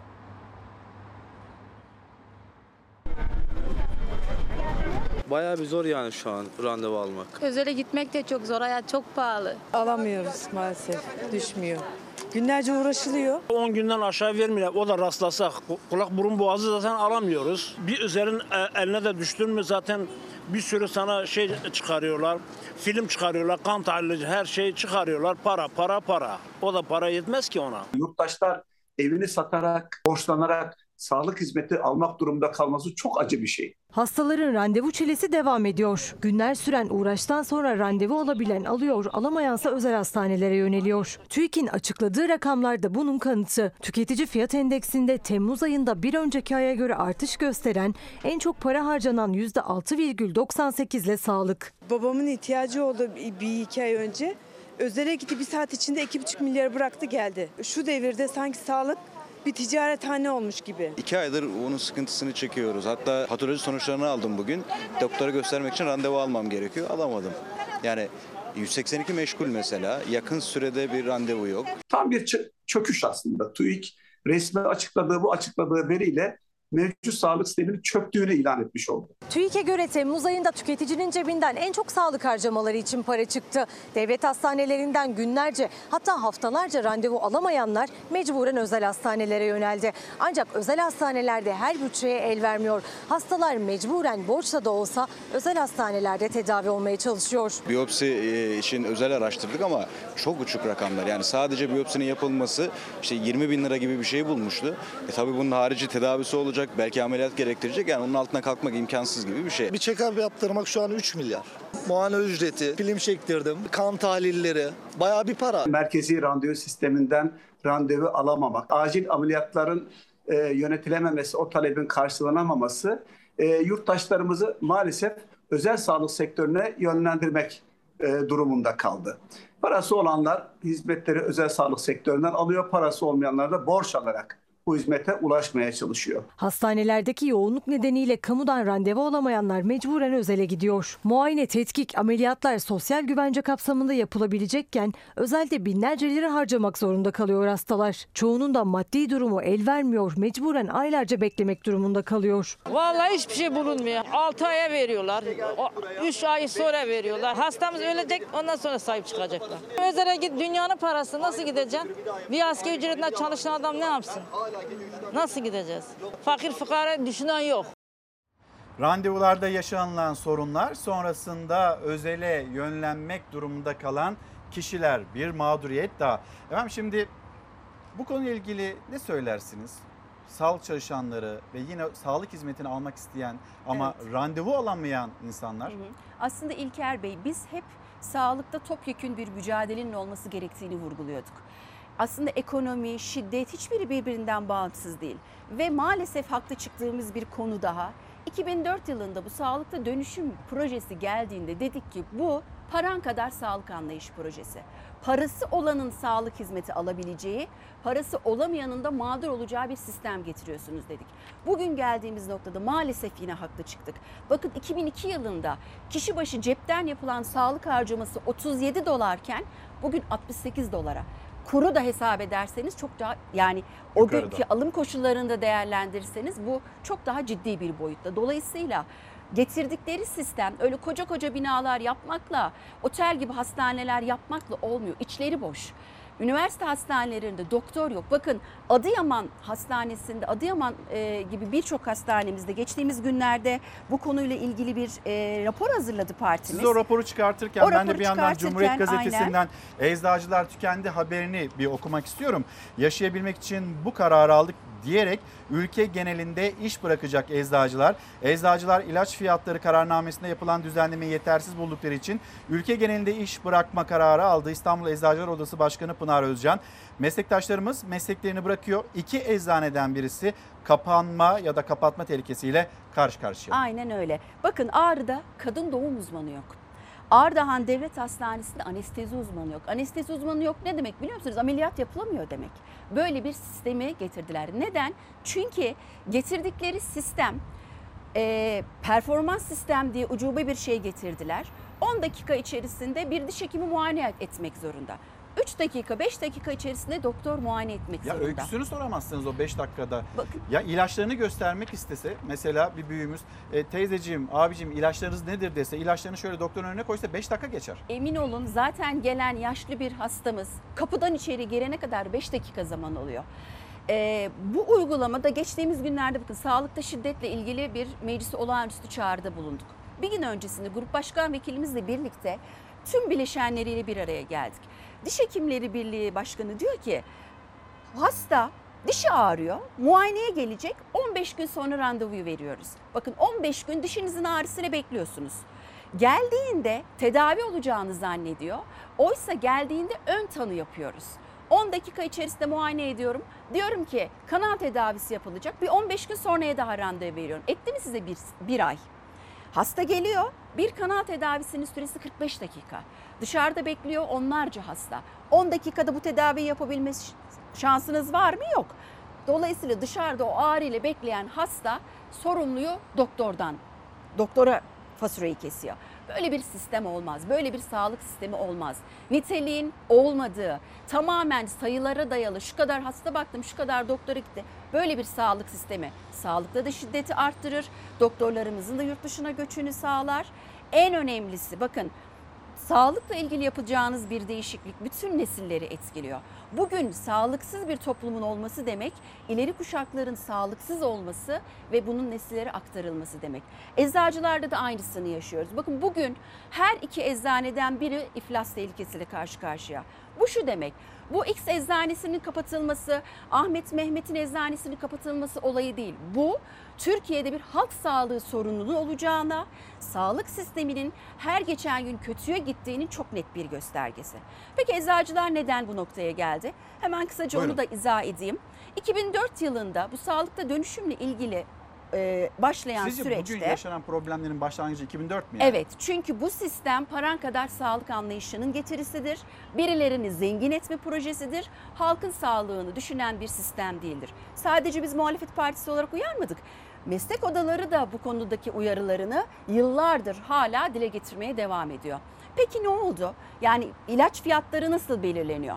2004 yılındaki ilaç fiyat kararnamesiyle birlikte 5 Avrupa ülkesinin ortalama bir fiyatı alınarak bir ilaç referans fiyatı belirleniyor. Ve bu fiyat bir önceki yılın ortalama euro kurunun belli bir miktarını geçemez. Şimdi 5 kademe halinde eczacılıkları bir karlılık belirlediler. 10 lira, 50 lira, 100 lira, 200 lira ve üzeri. Şimdi bunu yapıldığında euro 1,5 liraydı neredeyse. Aradan 2009 yılında bir güncelleme oldu ve 13 yıl boyunca güncelleme olmadı. Bu arada tabii ilaçlara zam geliyor. İlaçlara zam geldikçe eczacıların karlılığı düştü ve artık sürdürülemez boyuta geldi. Çünkü neden? 2009'da yani bu fiyat kararnamesi eczacıların karlılığını belirleyen kararname çıktığında benzin 3 liraydı. 22 lira oldu. Bakın son bir yılda ham maddeye %100 zam geldi. Lütfen sözünüzü unutmayın. Şimdi akaryakıtta bir indirim var. Ee, hazır yeri de gelmişken paylaşalım iz, e, izleyicilerimizle. Şimdi biliyorsunuz e, uluslararası e, piyasalarda Hı hı. Brent petrolün varil fiyatı 100 doların da üzerinde işlem görüyordu. Bir süredir de düşüyor. Şu anda 94 dolar seviyelerinde daha da düşeceği söyleniyor. Peki enerji piyasalarında bir beklenti var. Hem benzin için hem de motorun için bir indirim beklentisi. Motorinde bu geceden itibaren pompaya da yansıyacak şekilde 1 lira 15 kuruşluk bir indirim beklentisi var. Tabii yaşayarak göreceğiz olup olmayacağını. Ve yine benzinde de büyük bir indirim 2 lira 23 kuruş seviyesinde bir indirim yapılacak. Hani büyük diyoruz ama hani 20 lira ve üzerindeki rakamlara baktığımızda devede kulak gibi de kalıyor bir Evet. tarafıyla. Evet. Ee, tabii ne olacak bu getirdikleri yani ekonomiyi 20 yılda getirdikleri noktaya bedelini kime kesecekler vatandaşı? Bakın geçtiğimiz günlerde Türk Eczacıları Birliği Sağlık Bakanı ile bir görüşme yaptı. Bakan ne dedi biliyor musunuz? Eczaneye gittiğinizde ödediğiniz o muayene ücretleri az. Yani vatandaşın cebinden yaptığı harcama az, daha da çok ödenecek. Bu ne demek? İşte ekonomiyi getirdikleri o beceriksiz politikalarla ucube kur korumalı mevduat hesabı diye bir avuç azınlığı zengin etmek için harcadıkları para aslında bizim vergilerimiz. Bizim vergilerimizde bu para ödeniyor. Peki bu vergiler kimin cebinden çıkıyor? Hasta çocuğunu doktora götüren Ahmet amcanın cebinden çıkıyor. Ya da yıllardır tedavi göremeyen, ilacına ulaşamayan Ayşe teyzenin cebinden çıkıyor. Ve bir en önemli sorun da şunu ifade edeyim. Şu anda çok ciddi bir ilaç yokluğu söz konusu. Kanser ilacından hayati önemi olan bütün ilaçlarda bir ilaç yokluğu var. Ama bu ilaç yokluğunun sorumlusu eczacılar değil, beceriksiz ekonomi ve sağlık politikaları nedeniyle iktidardır. Bir gün gazetesiyle birlikte ekonomi başlığına da geçelim. Şimdi memleketimizde yoksulluğu herkes hissediyor. Kimi çok daha hafif hissediyor, kimisi çok daha yüksek. O enflasyonu çok daha yüksek hissediyor. Bir gün gazetesinden seçtiğimiz haberde, haberlerden birisi de aslında borç sarmalı iyice katlandı. Verilere göre bireylerin bankalara olan kredi ve kredi kartı borcu Temmuz'un son haftasında 14.1 milyar lira arttı. Bir haftalık borç artışı bu kadar. Bir ayda artan borç 24 milyar lira. Toplam bireysel kredi ve kredi kartı borcunun da 1.2 trilyon lira olduğunu hatırlatıyor Bir Gün Gazetesi. Şimdi hemen Diskar'ın yapmış olduğu bir araştırma kim yoksulluğu ve enflasyonu ne kadar hangi seviyede hissediyor bunun haberi. Ne açıklarsa açıklasınlar gerçeği yansıtmıyor. Benim için istatistik tweet mi tweet falan değil. Gelsinler marketlere, pazarlara seyretsinler, görsünler. TÜİK ne yaparsa yapsın tabii mızrak çuvala sığmıyor. Gerçek enflasyonun ne kadar olduğunu, hayat pahalılığının geldiği durumu hepimiz yaşayarak görüyoruz. Bence yüzde yüz elli. Daha dururken etiket değiştiriyorlar. Her şey çok pahalı. TÜİK diyor ki gıda enflasyonu %95. En düşük gelir grubu %140 yaşarken en zengin grup ise %69 %30 olarak yaşıyor. TÜİK'e göre Temmuz ayı gıda enflasyonu %94,65. Diskar'ın aynı verilerle elde ettiği sonuçsa her gelir grubu için farklı. En zor durumda olanlar, geliri en düşük olanlar. En yoksul %20'lik kesimin gıda enflasyonu %139,7. Yani en ağır şartlarda en ucuza çalışan dar gelirlinin gıda maliyeti en çok yükseldi. TÜİK'in verileri bile esas alındığında zengin ve yoksul arasında çok ciddi bir uçurum meydana geliyor. 3 ay önce şeker 7,5-8 liraydı şimdi 30 lira kilosu. Daha başkasını söylememe gerek yok. TÜİK'in açıkladığı ortalama gıda enflasyonu ise %94. Fakat dar gelirlinin, emeklinin gıda enflasyonuna baktığımızda ki öncelikle karnımızı doyurmaya çalışıyoruz çünkü çok daha yüksek. Özellikle dar gelirli tüketici için enflasyon demek gıda fiyatları demek. TÜİK tüm gelir grupları için ortalama bir oran açıklıyor. Temmuz ayı için TÜİK'in açıkladığı gıda enflasyonu %94,65. Ancak diske göre en yoksul kesimle en zengin kesimin gıda enflasyonu aynı değil. Gelir gruplarının harcama alışkanlıklarına bakıldığında dar gelirlinin durumu çok daha ağır. Emeklilerin ve en düşük gelir grubunun gıda e, harcaması e, toplam harcamanın %30-31'i iken en yüksek gelir grubunun yani zenginlerde bu harcama %20'lere ve altına e, düşmektedir. Benim gördüğüm enflasyon yüzde 200. Benim elimdeki cebimdeki para 100 lira. 7-8 tane ürün aldırabiliyorsa bana ne mutlu. Ama iki tane üründen sonra para uçmuş gitmiş diyorsun paramı düşürdüm. Sokakta sorduğunuz soruya vatandaşın vermiş olduğu cevap son derece doğru bir cevaptır. Bunun bilimsel karşılığı da budur. Yani düşük gelir grupları daha yüksek enflasyon hissediyor. Yüksek gelir grupları daha düşük enflasyon hissediyor. Fiyatlar berbat. Berbat. 1 milyon maaşımıza zam yaptılar. 2 milyonu geri aldılar. TÜİK genel enflasyonu da gelir gruplarına göre değil tüm gelir grupları için ortalama olarak hesaplıyor. Yani en zenginle en yoksulu aynı kefeye koyuyor. Bu yüzden geliri TÜİK'in tartışmalı enflasyon oranlarına göre artan düşük gelirli çalışanlar alım gücünü de hızla yitiriyor. Her seferinde fiyat değişiyor. Hangi yöne değişiyor? Pahalılık yönünde değişiyor. Sadece karnımızı doyurmamız için gerekli olan gıda harcamasını bile karşılamaktan çok uzak bir e, gelir durumu söz konusu. TÜİK'in açıkladığı enflasyon rakamları hakkında Kesinlikle inanmıyorum. Niye inanmıyorsunuz? Ama yaşıyorum. Elimdeki parayla çıkıyorum. Şimdi Twitter üzerinden gelen mesajlar var. Kim yoksulluğu ne kadar hissediyor? Siz sokakta neyle karşılaşıyorsunuz onu soracağım. Fakat 3 aydır ne 182'den ne de hastaneden randevu alamıyorum. Dün 182'yi arayıp tartıştım. Bu nasıl sistem? Hastamızın ölmesini mi bekleyeceğiz demiş. Fatoş Hanım gön, e, Fatoş Dönmez göndermiş. Fatoş Hanım yalnız hani oradaki e, size o telefonu açan arkadaşların bir suçu değil. Sağlık çalışanlarının suçu değil. E, siz de hani kızgınsınız, kırgınsınız ama hani o öfkeyi yansıtacağınız yer e, onlar değil. Bir sistem bozukluğu var. Onu bir hatırlatayım. Bir başka izleyicimiz İzmir'den Işıl Hanım yazmış. 9 Eylül hastanesine gittim. Bana 2023 Mart sonuna ultrason ve MR randevusunu verdiler. Bu nasıl bir mağduriyet? Safra kesemde e, polip var. Ameliyat gerekiyor. Dün 18 gün önce güç bela randevu alabildim. E, genel cerrahi doktoruna gittim. 3 dakikada beni dinleyip ultrason istedi. Ultrason bölümü 18 gün sonraya bir kez daha gün verdi. 3 dakikada dinlemek zorunda çünkü performans diye bir sistem getirdiler ve öyle bir zorunluluk koyuyor. İlker Bey inanır mısınız? Hep diyorlardı ya AKP sağlıkta yaptığı devrimlerle iktidar oldu diye. Şu anda mecliste bana gelen her iki telefondan biri istihdamla ilgili, ikisi sağlıktaki randevu ve cepten yapılan harcamalarla ilgili. Bu noktaya getirdiler ve maalesef işin acı tarafı bugüne kadar sistem bir şekilde sağlık emekçilerinin katkılarıyla ve emekleriyle yürüyordu. Ancak sağlık emekçileri de artık tükendi, sürdürülemez bir noktaya geldiler. Göç ediyorlar, göç etmek zorunda kalıyorlar ve buna sebep olan da iktidarın hem uygulamaları hem de ayrıştırıcı ve ötekileştirici dili. Şimdi sokağa geçtiğimizde Hı hı. e, Sayın Nebati'nin anlattığı gibi mi sokak çarşı pazar yoksa sizin karşılaştığınız nedir? Abartıyor musunuz siz? Ben öncelikle şunu söyleyeyim. E, Sayın Nebati 6 aylık bir uykuya yattı. Ee, ama herhalde o ben sokakta dolaşıyorum e, kısmı uykudayken gördüğü kısım. Çünkü biz sokakta hiçbir AKP'liyi göremiyoruz. Çıkamazlar İlker Bey. Sokağa çıkacak yüzleri yok.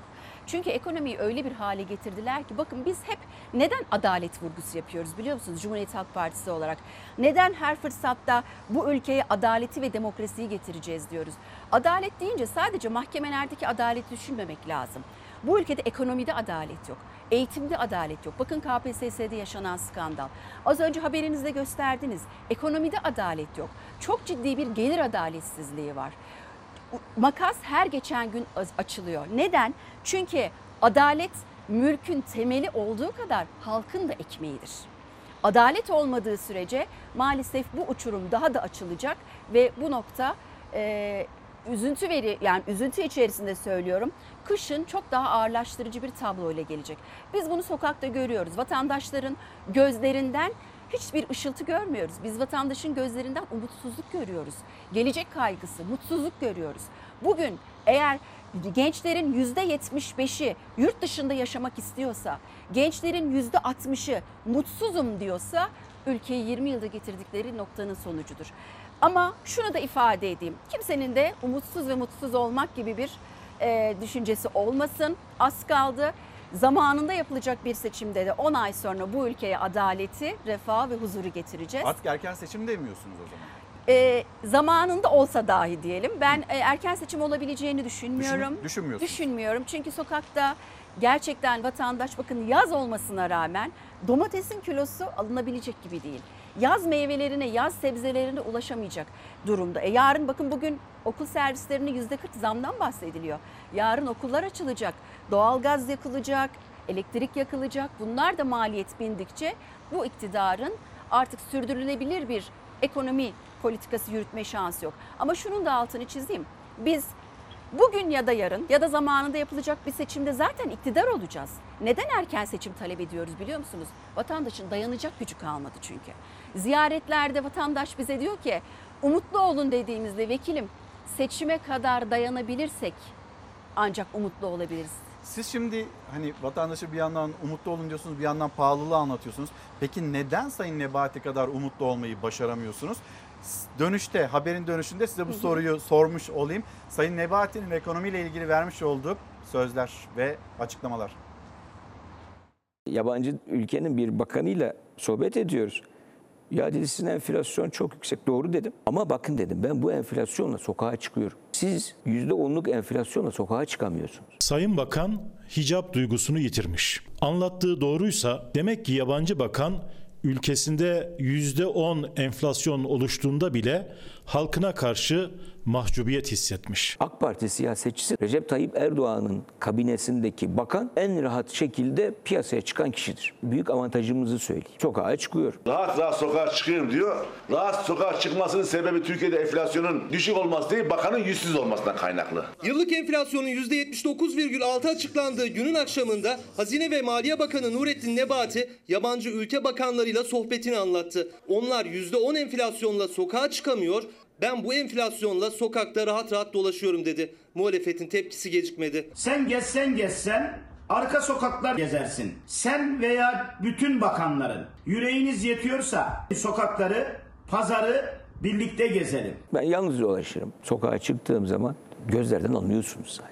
Bakışlarından anlıyorsunuz. Birazcık sabır dediğim zaman şunu söylüyorlar. Biz sabretmeye hazırız. Yeter ki siz çözün. Kendinizle alay edilmesinden gerçekten rahatsız oluyorsanız böyle bir Maliye Bakanı ekonominin başına neden getirilir diye hesap sormanız gerekiyor. A Haber'in konuydu Nebati. Sokak sokak geziyorum sözlerine muhalefet birlikte gezelim daveti yaparken Bakan Nebati gözlerimdeki ışıltı sözlerine ve enflasyon için 6 ay uyuyun uyan ifadelerine yani kendi sözlerine açıklık getirdi. Enflasyon yüksek oldu, şöyle oldu, böyle oldu. Bu enflasyon önümüzdeki yıl geleceğe noktalar heyecanlanıyorum. Hani hep de hayal edersiniz de şöyle bir uyusam da 6 ay sonra uyansam diye. Ben uyandım. Peki ne oldu? Uyandık ama arada önemli bir kabusu yaşayarak geçirdik bu süreyi. Neydi bu kabus? Rusya'nın Ukrayna'ya savaş açmasıydı. Ukrayna-Rusya savaşı varmış. Onun için enflasyon yükseliyormuş. Bak bak bak. Ukrayna-Rusya savaşın içinde onlarda bile bizim kadar enflasyon yok ya. Bize ne oluyor? Bu saçmalığa bir cevap vermemiz gerekiyor. Ben heyecanlanıyorum. Gözlerim parıldıyor. Işıklar saçıyor. Gözlerindeki ışıltı şudur. Benim gözlerim niye ışıl ışıl? Ben umutlu insanım. Gözlerdeki ışık, ekonomi tek başına rakamlarla ifade edilemez. Ekonomi beklentidir, umuttur, güvendir. Nurettin Nebati. Allah'ını seviyorsan sus artık. Sen ne söylediysen tersi oldu. Uyuduk, kalktık ve gördük ki battık. Muhalefet hayat pahalılığından, yüksek enflasyondan iktidarı sorumlu tutarken, ekonomi politikasını eleştirirken Hazine ve Maliye Bakanı Nurettin Nebati uyurken arada savaş çıktı dedi. Ama gelecekten umutlu olduğunu söyleyerek gözlerindeki ışıltıyı anlattı yine. Enflasyonun düşüşü için bir kez daha tarih verdi. Aralık ayından itibaren düşüş trendini net olarak göreceğiz. Bu baz etkisiyle olacak. Enflasyon düşmeyecek. Enflasyon böyle düşmez. Enflasyon düşmek için bir eylem planı olması lazım. Kimin aklıyla dalga geçiyor? Bakan Nebati'nin tartışılan açıklamaları, Aralıktan sonra enflasyon düşecek sözleri, muhalefetin yanıtları polemik sürüyor.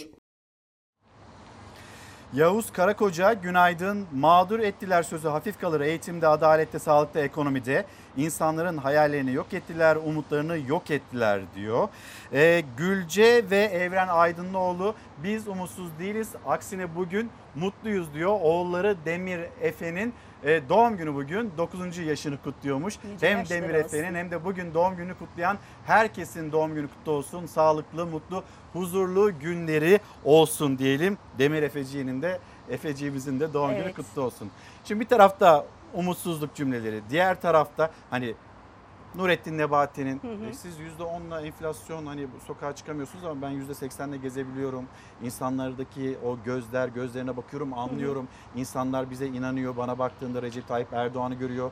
Meseleyi bizim çözebileceğimizi de düşünüyorlar Hı hı. diyor. derken o sırada muhtemelen biri Nebati hadi kalk uyku, uyku saati 6 aylık süren doldu diyordur. Çünkü bunları ancak uykuda görebilir. Gerçeklik böyle değil. Ee, az önce de ifade ettiniz umutsuzluk biz umutluyuz. Umudumuz var. Çünkü biz iktidara geldiğimizde bütün bu olumsuz tabloyu iyileştireceğiz. Ama mevcut iktidar artık yönetme kabiliyetini kaybetti İlker Bey. Bakın devlet yönetimi ciddiyet ister. Kasım ayında 2021'in Kasım ayında Rusya'nın Ukrayna'ya savaş açabilme ihtimalini herkes görüyordu. Siz bir planlama yapmazsanız, öngörülü bir politika izlemezseniz bugün geldiğimiz nokta olur. Ya bunu hesaplamak zorundasınız. Siz niye devlet yönetimine talipsiniz o zaman? Öngöremiyorsanız bırakın o makamları. İşte biz niye her seferinde liyakat diyoruz? Liyakat çok önemli. Çünkü bu ülkeyi yönetenlerin öngörebilmeleri, planlama yapmaları ve ona göre bütün alternatifleri masaya yatırmaları lazım. İşte bu öngörüsüzlüğün, bu liyakatsızlığın bedelini vatandaş e, kendi canıyla, sağlığıyla, geleceğiyle, umutlarıyla ödüyor. Ama hiç merak etmesinler. Zamanında ya da erken yapılacak ilk seçimde bütün bu olumsuzlukları gidereceğiz. O yurt dışına giden, umutsuzluğu nedeniyle yurt dışına giden tüm gençlerimize bu ülkede demokrasiyi, adaleti getirerek hepsini ülkeye geri dönmesini sağlayacağız. Şimdi Erzurum seyahatinize bakalım. Sonra bir helalleşme ziyareti dün CHP lideri Evet. Kılıçdaroğlu gerçekleştirdi. Ee, nasıl bir yol stratejiyle ilerleyecek CHP onu da soralım ee, haberimizden sonra.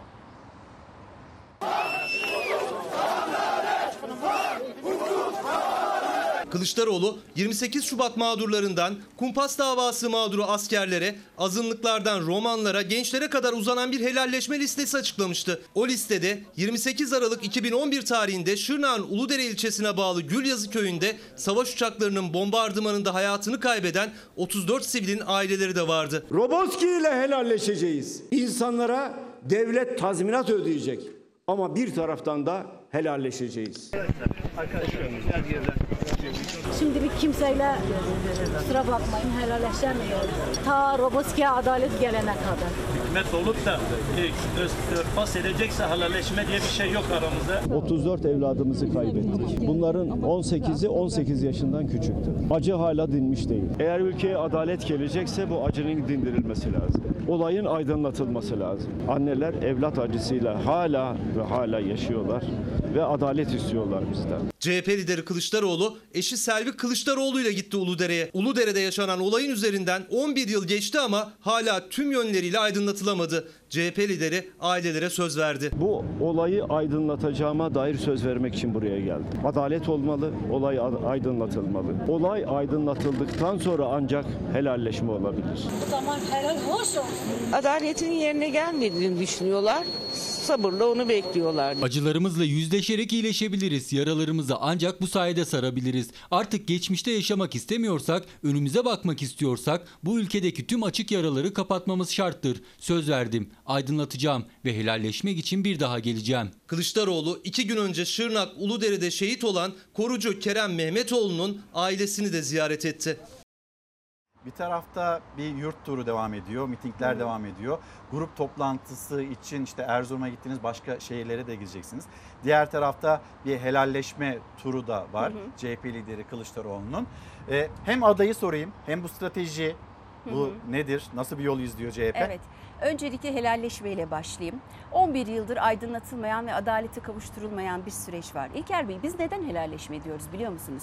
Çünkü ilk seçimde iktidar olacağız. Devleti yöneteceğiz. Dolayısıyla devletin e, bugüne kadar vatandaşa gözyaşı döktürdüğü, e, mağdur ettiği yönetenlerin hatası ya da ihmali olabilir. Her ne gerekçeyle olsun devlet adına bu kişilerle helalleşeceğiz. Örneğin Roboski olduğunda CHP iktidarda değildi. Ya da 28 Şubat mağduriyeti olduğunda, 28 Şubat yaşandığında CHP iktidarda değildi. Amacımız acıları yarıştırmak değil, acıları ortaklaştırmak. Bu nedenle de biz acıların yarına kalmasını istemiyoruz. Bugünden bunun çözümlenmesi gerektiğini inanıyoruz. Gelecek nesillere bir kavgayı, bir ayrışmayı değil, bir arada ortaklaşmayı taşımak istiyoruz. Devlet yönetiminde gel kişiler gelip geçici. Bugün Ahmet olur, yarın Mehmet ama devlet baki. Bu nedenle devlet adına iktidara geldiğimizde helalleşeceğiz. Ama şunun da altını çizeyim. Elbette helalleşirken 11 yıldır adalet sağlanmayan Roboski'de bu olaya sebep veren herkesle de hesaplaşacağız. Kanunsuzluğu kanunla yeneceğiz. Ve bunları yaparken de adalete, e, bağımsız, özgür yargılamayla adalete olan güvenimizle yapacağız. Dolayısıyla da ben bu e, helalleşme çağrımızı Sayın Genel Başkanımızın çok önemsiyorum. Daha da devam edecek. Bir sonraki adım cumartesi anneleri olacak. Toplumun mağdur olan, ben bu konuda gözyaşı döktüm diyen tüm kesimlerimle helalleşip gelecek nesillere bir arada ötekileştirilmemiş bir arada yaşayacağı bir Türkiye'yi inşa edeceğiz. Bir yandan da vatandaşla buluşma turları. Bir yandan da vatandaşla buluşacağız. Salı günü e, bu salı Edirne'de olacağız. E, Meclis kapalı ama biz toplumun sorunlarını biliyoruz. Grup toplantımızda toplumun tüm kesimlerinin sorunlarını dile getiriyor ama aynı zamanda çözüm önerilerimizi de getiriyoruz. Bakın Erzurum'daki toplantı son derece önemliydi. Yerinin seçilmesi ayrı bir stratejiydi. Çünkü milli iradenin ilk defa e, telaffuz edildiği bir yerde Erzurum Kongresi. Bugün biz tek adam sisteminden bahsediyoruz. Meclis iradesinin yok sayıldığı bir düzenden bahsediyoruz. Bu nedenle de biz Erzurum'dan başlatarak milletin iradesiyle, milletin azim ve kararlılığıyla içinde bulunduğumuz bu olumsuz tablodan hep birlikte kurtulacağız.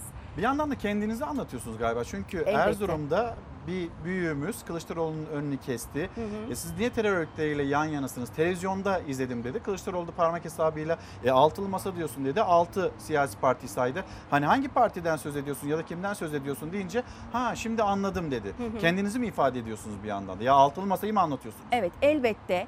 Ee, şöyle söyleyeyim evet bugüne kadar gitmemişiz. Erzurum bizim en az oy aldığımız illerden bir tanesi. Bir öz eleştiri de yapıyoruz. Gitmemişiz, kendimizi anlatmamışız, ne yapacağımızı ifade etmemişiz. Ama inanın daha önceki ziyaretlerimizden ben 2011'de de milletvekili adayıydım.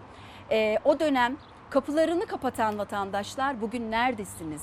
Sizi bekliyoruz artık diyorlar. Çünkü Cumhuriyet Halk Partisi ve Genel Başkanımız Millet İttifakı gerçekten umut oldu ve bu umudu bir an önce e, gerçekleştirmek ve ilk seçimde de iktidar yapmak istiyor yurttaşlarımız. Son sorum hani CHP'nin adayı Engin Altay'ın deyimiyle Bay Kemal. Evet. Altılı masanın adayını ne zaman öğreneceğiz acaba?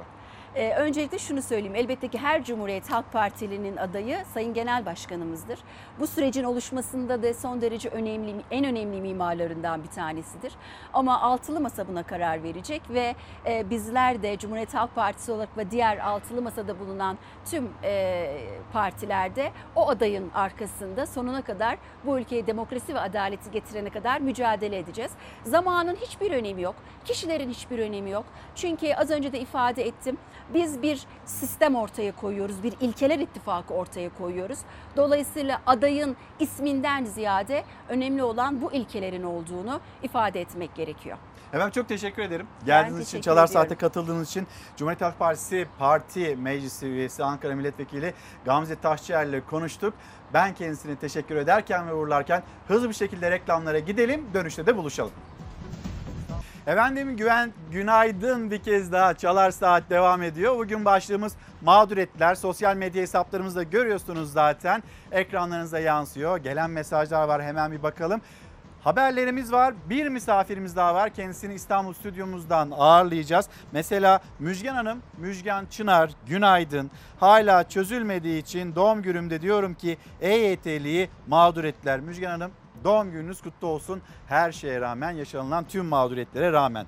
Mağduriyet az kalır İlker Bey. Ben muhalefetteki cesarete hayranım. Bu enkazı eğer kazanırlarsa seçimi ayağa nasıl kaldıracaklar bilemiyorum diyor. Murat Özberbek'in mesajı bu şekilde. Düzce'de yaşıyorum. Her ay su faturası ile birlikte altyapı parası verdiğimiz halde altyapımız yapılmamıştı. Yeni konutlar yapıldığı için altyapı daha yeni geldi ve bu altyapıyı evlerimize bağlamak için bizden şimdi ücret talep ediliyor diyor. Serkan Çağlar e, bu mesajı bizimle paylaşıyor. Şimdi mağdur ettiler başlığımız bu başlık altında konuşurken en çok kimin mağdur olduğunu soracak olursanız KPSS ile ilgili söylüyoruz. Burada gençlerin mağdur olduğunu söylememiz gerekiyor. Diplomalı işsizler var. Bu memlekette e, umudumuzu kestik artık biz iş bulamayacağız ve o yüzden de yüzlerini Avrupa'ya çeviren, başka başka ülkelere çeviren gençlerimiz var. Onlarla devam edeceğiz. Sıradaki haberimiz bu olacak. Yalnız bir Bir Gün gazetesini okuyacağız. Bir de gazete pencerenin manşetine bakmak istiyoruz. Çürük tahta çivi tutmaz. Skandal sonrası KPSS iptal edildi. Bir kez daha suçüstü yakalanan iktidar günü kurtarma derdinde. Oysa çürüyen bu ucube rejim komple değişmeli. Bir gün gazetesinin manşeti AKP iktidarı KPSS skandalının üstünü göstermelik adımlarla kapatma gayretinde. Rezaletin yankısı sürerken önce ÖSYM Başkanı görevden alındı ardından da sınav iptal edildi. Baştan sona suça bulaşan iktidarın telaşla aldığı alelacele kararlar kimseleri tatmin etmezken akıllara pek çok soruyu da getirdi. Halk tüm sorumluların yargılanmasını istiyor. Bir de bakalım gazete pencereye. Şöyle başlık başlık bakalım. Soru skandalında cemaat şüphesi gazete pencerenin manşeti. Yeni başkandan cemaat liderine efendi hazretleri mesajı ki sonradan bu sosyal medya paylaşımının bilindiği e, iddiası. KPSS iptal edildiği bu karede de Soylu var deniliyor. Soylu skandalının merkezindeki skandalın merkezindeki yayın evi 7 iklim yayınlarının tanıtım afişinden e, İçişleri Bakanı Süleyman Soylu çıktı. Yayın evinin Bursa şubesinin tanıtımında yer alan fotoğrafa muhalefet tepki gösterdi ve Meral Akşener samimiyseniz mülakatı kaldırın. İyi Parti Genel Başkanı Meral Akşener KPSS sınavının iptal nedeniyle özür dileyen yeni ÖSYM Başkanı'na seslendi. Büyük bir beceriksizliğin ürünü olan yanlışı kabul edip özür dilemek elbette değerlidir. Ancak eğer özrünüzde samimiyseniz gençlerimizin sistematik olarak haksızlığa maruz bırakılıp e, mağdur olduğu mülakat sisteminden de hemen vazgeçin çağrısı samimiyseniz mülakatı da kaldırın. Yine Karar Gazetesi'nin manşetiydi. E şimdi bu mesele ne olacak? Mülakat meselesi yine hatırlatmış olacağımız sorulardan bir tanesi. Şimdi gençlerimiz onların yaşadığı umutsuzluk. Sadece üniversite değil, üniversite hayatını yaşamak da çok güzel bir şey. Onu da elimizden aldılar açıkçası. Şehir dışına gitmeye kalksam bayağı bir zarara giriyorum. Aile evi en iyisi diyorum ben de. Aile evinde kalacağım büyük ihtimalle. Ama şehir dışında herkesin aile sıfırdan bir hayat, yeni ortam, yeni arkadaşlar. Kim istemezdi ama Türkiye şartlarında biraz zor tabii ki de. Yeni hayallerle adım attıkları üniversite yolunda gerçeklerle ekonominin ağır faturasıyla yüzleşmek zorunda kaldı gençler. İş imkanı çocukluk hayali değil artık üniversite tercihlerinde tek ve öncelikli kriter aile yanında kalabilecekleri okulu yazabilmek. Onda da aile bütçelerine katkı olsun diye bursları araştırıyorlar. Ailem gelip bana yük olmadan okuyabileceksen oku diyor. Çünkü evde benim gibi 3 tane daha kardeşim var. Benim yarın okula 5,5 milyar peşin vermem gerekiyor. Yani şu an babamla konuşamıyoruz yani. Korkudan adama bir şey diyemiyorum. Çünkü o parayı nasıl isteyeceğimi bilmiyorum. Üniversite tercih döneminde burs arayışında gençler özel üniversitelerin başarı burslarının yanı sıra tekstil ve hazır giyim ihracatçıları birlikleri de asgari ücret kadar yani aylık 5500 lira burs sağlayacaklarını açıkladı. Sınavda ilk 20 binde yer alan ve ilk 5 tercihinden biri tekstil mühendisliği olan gençler bu burstan yararlanabilecek. Öğrencileri bir şekilde bu e, sektörün içerisine çekmek için bir çalışmanın içerisindeyiz. Şu anda benim puanım ile İstanbul'da bir okul kazanamıyorum. O yüzden şehir dışına gideceğim. Yurtlara falan bakacağız artık. Zaten tek başına bir kirada yaşamak çok sıkıntı. Belediyelerin birçoğu meydanların olduğu noktalara destek standları kurdu üniversite adayları için. Adaylar buraya gelip bilgi alıyorlar girebilecekleri bölümler için. Ama onların öncelikleri artık farklı. Okumak istedikleri bölümlerin özellikle barındıkları, yaşadıkları adreste olmaları öncelikleri. Çünkü ekonomik koşullar sebebiyle barınma gibi harcama gider kalemleri gibi zorlandıkları kısımlar sebebiyle ailelerinin yanında kalmak istiyorlar. İstanbul'da mı e, istiyorsunuz? Neden İstanbul'da istiyorsunuz? Ailem burada. Devlete yerleşemiyor bu çocuk. Bana çok saçma geliyor. Diyecek kelime bulamıyorum. Şimdi ben çocuğumu dışarıya göndersem bu kalacağı yerler gerçekten çok pahalı. İstedikleri yerlerde kontenjan bulma haklarına erişemiyorlar. Hal böyle olunca da birçoğu geldikleri noktalardan hüsranla ayrılıyor, mezuna kalmaya niyetleniyor. Sıralamaya göre tercih edeceğiz ama hani hangisi kontenjanlara falan göre seçeceğiz kararsızım. Çok seçenek yok belki mezuna kalırım bilmiyorum. Kira ya da yurt masrafı olmasın diye bulunduğu şehirde kalmak öğrencilerin önceliği. Sonra da burs bulup geri kalan harcamalar için aile bütçesini sarsmamak. Akıllarında ekonomik kaygılarla geleceklerine karar vermeye çalışıyorlar. İstediğim bölümde de İstanbul'da sadece e, özel olmayan bir tane var devlet. Şehir dışına gitmez misiniz? Şehir dışı ayrı bir ücret zaten. Onun için ayrı bir ekonomi istiyor. Sınırlarımızın ötesine geçip haberler paylaşacağız. Yalnız memleketimizde böyle kısa kısa haberler var, önemli bilgiler var. Mesela servis ücretlerine %40 seviyesinde bir zam var. Sonrasında benzinde ve motorinde indirim haberi var. Bir de Et Süt Kurumu'nda e, bir kampanya haberi var. Hatırlatmak istiyoruz. Korkusuz gazetesini görüyorsunuz. Servis ücretlerine %40 zam. Verilere kötü haber. Yeni eğitim öğretim yılı yaklaşırken servis ücretlerine olan zam beklentisi de yükseldi. %40'lık bir zam beklentisi. Şimdi dünyada ham petrolün varil fiyatı düşerken 94 dolar seviyelerindeyken ülkemizde de bir indirim, akaryakıt indirimi var. Yani daha doğrusu bu indirimin beklentisi var. Bu geceden itibaren pompaya da yansıyacağı söyleniyor. Motorinde 1 lira 15 kuruşluk bir indirim beklentisi, benzinde de 2 lira 23 kuruşluk bir indirimin beklentisi. Yine kuzu etine %25 indirim bir kampanya. Et ve Süt Kurumu bugünden geçerli olmak üzere koyun kuzu toklu etine %25'e varan bir indirim yaptı. Hatırlayacaksınız görevinden alınan, koltuğunu bırakmak durumunda kalan başkanı, kurumun başkanı kapısının önünde çok fazla kuyruk oluyor diye ete zam yaptığını söylemişti ve sonrasında da tabii ki o koltukta tutunamadı. Şimdi hızlı bir şekilde sınırlarımızın ötesine de geçeceğiz. Bir konumuz daha var. Arada başka haberlerimiz de var. Onları da aktarmak istiyoruz. Tayland'a gidiyoruz. Tayvan'da yaşanan yangın.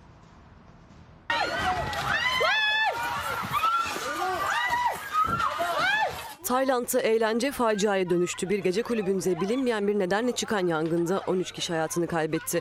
Alevler yüzünden 50'ye yakın insan yaralandı. Gece kulübünün kapısına yakın olanlar kendilerini dışarı atarken içeride yaşanan izdiham yüzünden birçok insan alevlerden kaçamadı.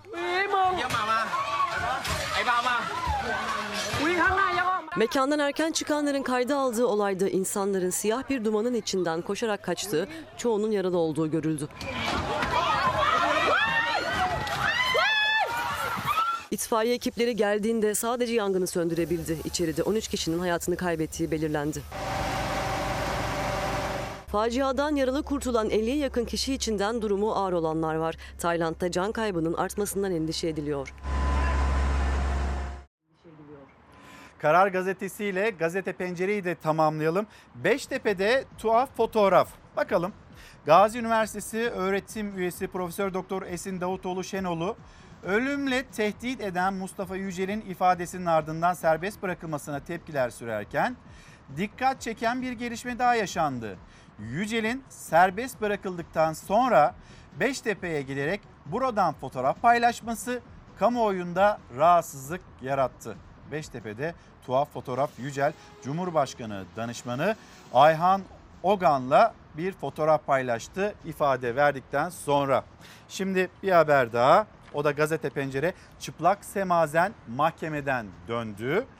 Muhteşem vücut kontrolü sebebiyle çoğu otoritenin takdirini toplayan ve Avusturya'da en iyi erkek dansçı ödülünü alan Ziya Azazi bizde çıplak semazen olarak tanımlandı. İzmir'de bazı basın kuruluşlarının çıplak semazen diyerek hedef gösterdiği modern koreografi hakkında valilik etkinliği düzenleyen İzmir Büyükşehir Belediyesi yöneticileri hakkında soruşturma izni vermişti.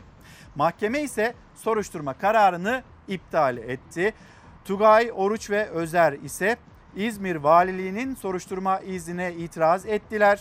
İtirazı değerlendiren İzmir Bölge İdare Mahkemesi 1. İdare Dava Dairesi savcılıkça soruşturma açılmasına gerek olmadığına hükmetti. Sizlerden gelen mesajlara da hemen bir bakalım Hindistan'a gitmeden önce. Metin Yıldırım günaydın. Soruları hazırlayanın telefonunu, elektronik cihazlarını incelediğinizde düğmeye kimin bastığını zaten öğrenirsiniz diyor. Bir genç arkadaşımız, izleyicimiz ben şu an girdiğim öğretmenlikte bu mülakatta birinci olarak girdim ama mülakat sonrasında bir elenme endişesi yaşıyorum. Daha önce yapmışlardı. Yine ben bu endişeyi yaşıyorum. Sınavda başarılı olmuş, mülakata girecek. Şimdi acaba beni burada elerler mi? İnsanlara, gençlere neden bunu yaşatıyorsunuz? KPSS'de karşımıza çıkan sonuç ortada. Sınav iptal edildi. Sorularla ilgili şaibe var. Ama diğer tarafıyla muhalefet de bunu söylüyor. Arkadaşlarımız da bunu yaşıyor. Mülakat deliyorlar. Ben sınavda istediğim kadar puan alayım. Mülakatta eleniyorum. Burada ciddi bir güvensizlik var. Bundan da vazgeçilmesi gerekiyor. Muhalefetin çağrısı bu yönde. Daha önce de olduğu gibi bir ülkede yönetim, hani cemaatler, tarikatlar bunlarla yol yürürse, bu bunlarla yol yürünürse o ülkede ne eğitimden, ne liyakatten ne de gelecekten söz edilir. Gençlerin, insanların geleceklerini mağdur ettiler diyor Bora Keltepe gönderdiği mesajda. Ve şimdi de Hindistan.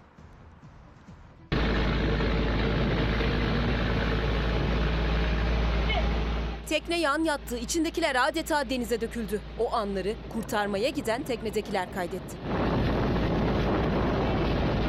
Hindistan'da 31 Temmuz'dan itibaren aralıksız şekilde süren ve 8 kişinin canına mal olan fırtına denizde de kabus yaşattı. Dev dalgalara karşı mücadele veren tekne bir ara yan yattı. O sırada güvertede bulunan balıkçılardan 3'ü suya düştü. Korku dolu anlar yaşayan balıkçılar başka bir balıkçı gemisi tarafından kurtarıldı.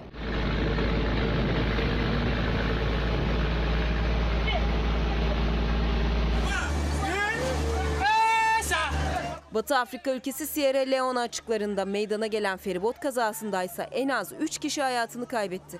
İki feribotun çarpıştığı kaza sonrası denizde adeta can pazarı vardı. Denize düşen onlarca kişi ölüm kalım savaşı verdi. Kurtarılmayı beklediler. Yetkililer bazı yolcuların halen kayıp olduğunu ve 3 kişinin cansız bedenine ulaştıklarını söyledi. Sayı artabilir. Gazete turumuzu e, Bir Gün gazetesinden seçtiğimiz haberle tamamlayalım. Asbest bombası gemiyi sokmayız. İçi asbest yüklü Brezilya donanmasına ait e, geminin İzmir Ali sökümüne izin verilmesine tepkiler sürerken gemi Rio limanından yola çıktı. Dev gemiye karşı emek ve meslek örgütlerinin Ali meydanındaki mitinglerinde zehir solumak istemiyoruz denildi.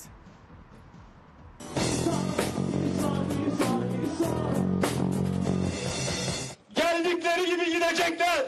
İzmir Ali Ağa'da sökümü için izin verilen asbestli gemiye karşı Moğollarla birlikte ses yükseltti İzmirliler. Gündoğdu meydanını dolduran binlerce kişi o gemiyi İzmir'e sokmayacağız dedi.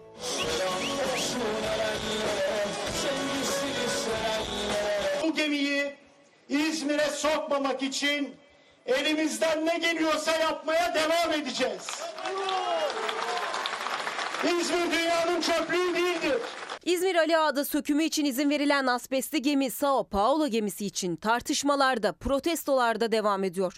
Çevre Bakanlığı İzmir Ali Ağa'da son 5 yılda 714 geminin söküldüğünü ve toplam 241 ton asbestin de bertaraf edildiğini açıklamıştı. Sao Paulo gemisinin ikizinde ise 760 ton asbest çıktığı için Hindistan sökümden vazgeçmişti. Gemiyi sökecek şirket Ali Ağa yetkilileri ve bakanlık gemide 600 ton değil 9 ton asbest var tehlikeli değil demişti. Dernek ve işçi temsilcileri ise asbeste karşı yeterli önlemin zaten bugüne kadar alınmadığını iddia etmişti. Asbeste karşı yeterli önlemler elbette ki alınmıyor. Günde bir tane toz maskesi, ayda bir tane de filtreli maske veriliyor. Şu anki durumunda bu gemi orada sökmek katliam demektir. Yani rant mı hayat mı bir sefere mahsus da olsa hayatı seçin. Bizim gibi normal çalışanlardan birini kağıt üzerinde asbestçi olarak gösteriyor. Bize toz maskesi verilerek asbesti bize söktürüyor. Asbesti söküyoruz. Bir, bir taraftan da bir arkadaşımız hortumla asbesti ıslatıyor. E, geçenlerde yaptığımız bir e, çalışma oldu. İşçi Ali Ağa söküm tesislerinden birinden bir numuneyi gizli olarak alıp bize gönderdi. Bakın bu malzemeyi çıplak elle koruyucusuz söktürüyorlardı işçi. Kahverengi asbest dediğimiz amosit asbeste rastladık. Şirket yetkilileri ise gemideki asbestin işçiler tarafından değil uzman ekiplerce söküleceğini açıklamıştı. Ölümcül dedikleri ne olduğunu benim de bilmediğim. Biz geminin herhangi bir tehlikeli atık olduğuna inanmıyoruz. Bu tartışmalar eşliğinde yola çıktı Sao Paulo. Yaklaşık 40 gün içinde ulaşacağı İzmir'de ise dün protesto için Gündoğdu Meydanı'ndaydı binlerce kişi. Mitinge katılan CHP Genel Başkan Yardımcısı Ali Öztunç da o gemi gidecek dedi. Eğer o gemi gelmeye devam ederse bu meydan dolar. İzmir'le nasıl ki birilerini geldiği gibi gönderdiyse o gemiyi de o gemiyi getirenleri de geldikleri gibi başkanımın dediğini göndermeyi bilirler. 600 değil 9 ton. Bir şey değil yani. Ama zehir zehirdir. Biri de bir, bini de bir. Şimdi devam edeceğiz. Bir haber daha var. Sonra misafirimiz var. İstanbul stüdyomuza döneceğiz. NBA ve basketbol için destek ve eğitim vakfı BİDEV İstanbul'da Junior NBA Türkiye Ligi oluşturmak için işbirliği anlaşmasını imzaladı. Junior NBA dünyanın çeşitli ülkelerinde basketbolu sevdirmek amacıyla daha çok eğlence, ailelere yönelik, spora olan sevgilerine büyük bir e, incelikle e, topluma aşılamak açısından e, bir organizasyon oluşturdu. Türkiye'de basketbol sporunun gelişimine katkı sağlamak amacıyla sivil toplum örgütü olarak kurulan Basketbol için Destek ve Eğitim Vakfı önemli bir girişimde bulundu. BİDEV Junior NBA Türkiye Ligi oluşturmak için NBA ile bir işbirliği anlaşması imzaladı. Bu imzayla Junior NBA Türkiye Ligi kuruluyor. 11-14 yaş grubu kız ve erkek çocuklar için kurulacak olan Junior NBA Türkiye Ligi 30 İlköğretim Okulu'nun katılımıyla başlayacak. Basketbolu çocuklar çok seviyorlar. Biz burada bu sevginin aşılanması her seviyede çocuğun basketbola ulaşmasını sağlayan bir çalışma olacak. Ekim ayında yapılacak seçmelerle her okulun bir NBA takımıyla eşleşmesi başlayacak. Basketbol oyuncuları oyunlara NBA takımlarının formalarıyla katılacak ve Aralık ayında gerçekleşecek finalle sona erecek. Okullardaki beden eğitimi hocalarının basketbolla ilgili eğitimi için yurt dışı ve yurt içi kaynaklı basketbol eğitimi verip eğiticiye eğiteceğimiz e, programlarımız ve planlarımız var. Bu şekilde basketbolun ülke içinde gelişmesi ve yayılması ve basketbolun sevdirilmesi için ciddi adımlar atacağımızı düşünüyoruz. Junior NBA Ligi'nde ilk etapta 900 çocuk basketbolla buluşacak. BİDEV Yönetim Kurulu Başkanı Hasan Arat, basketbolu çocuklara sevdirmek üzere kurulan ligde en büyük hayallerinin Anadolu'daki çocuklara erişmek olduğunu söyledi. Buradaki en büyük hayalimiz de açıkçası Anadolu'nun ulaşabildiğimiz köşesindeki bu işe hevesli evlatlarımızı e, bununla birlikte entegre edebilmenin yollarını arayacağız. Aziz Bey, Aziz Kaya günaydın. Stajın sigorta başlangıcı sayılması çok önemli diyor. ve biz de mağdur ettiler mesajını paylaşıyor bizimle. Yelda Hanım ailelerin aynı sene için tekrar okul servisi işte kaynak kitap masraflar bu ekonomik krizde çok zorlanacak aileler buna dikkat çekiyor. Bir başka izleyicimiz de KPSS iptalinden sonra 2-3 katına çıkan KPSS kitabı fiyatlarına da müdahale edilmeli. Böyle bir durum olduğunu hatırlatıyor. Şimdi hemen bir İstanbul stüdyomuza dönelim. İstanbul stüdyomuzda Avcılar Belediye Başkanı Turan Hançerli bizleri bekliyor. Efendim günaydın beni duyabiliyor musunuz? E, gayet güzel duyuyorum İlker Bey. Günaydın. Günaydınlar. Şimdi e, Turan Hançerli misafirimiz, misafirimiz olma gerekçesi de Türkiye'de e, ilk kez değil mi yanılmıyorum bir ilçe belediye başkanı Birleşmiş Milletler Kürsüsü'ne çıktı. Projelerini anlattı, alkış aldı, takdire değer görüldü. E, evet ilk kez Türkiye'den bir e, ilçe belediye başkanı e, davet alarak çok önemli e, bir e, oturumda e, sunum yaptım, e, konuşmacı oldum. E, ben de çok e, heyecanlı ve mutluyum ve çünkü yaptığımız çalışmalar, yaptığımız başarılı çalışmalar e, dünyanın e, önemli bir kurumu Birleşmiş Milletlerce fark edildi ve e, bu çalışmaların e, kalkınma hedeflerinin, sürdürülebilir kalkınma hedeflerinin yerelde güçlendirilmesi konusunda bizim de e, görüş ve katkılarımız e, alındı ve dünyada yerel de sürdürülebilir kalkınma hedeflerinin güçlenmesi için biz çalışıyoruz. Dünyaya da örnek gösterildik, örnek çalışmalar yapıyoruz. O zaman Sayın Başkan bize bu projeyi bir anlatır mısınız, açar mısınız? Evet, Birleşmiş Milletler'in 2030 hedefi 16 adet sürdürülebilir kalkınma hedefi var Birleşmiş Milletler'in. Sürdürülebilir kalkınma hedefleri içerisinde en başta yoksulluğa son, açlığa son, iklim krizi ve 16 başlıktan oluşan hedefler var. Bu hedefleri biz de Birleşmiş Milletler'in bu hedeflerini biz de belediye olarak paylaşıyoruz ve bu hedeflere ulaşmak için yani dünyadan, kentimizden açlığı sonlandırmak, yoksulluğu sonlandırmak, e, iklim krizine neden olan iklim problemlerini, çevre problemlerini e, çözmek, daha eşit, adil bir dünya e, kurulması hedeflerine biz de katkı sunuyoruz ve avcılardan bir gönüllü gönüllü yerel değerlendirme raporu hazırladık. Yani zorunlu olmayan bir raporu e, ne aşamadayız, avcılarımız ne aşamada, hangi seviyede bu hedefler noktasında sürdürülebilir kalkınma hedefleri noktasında hangi seviyede olduğumuzu e, açıkça ortaya koyan bir rapor hazırladık ve bu raporumuzu Birleşmiş Milletler'e sunduk.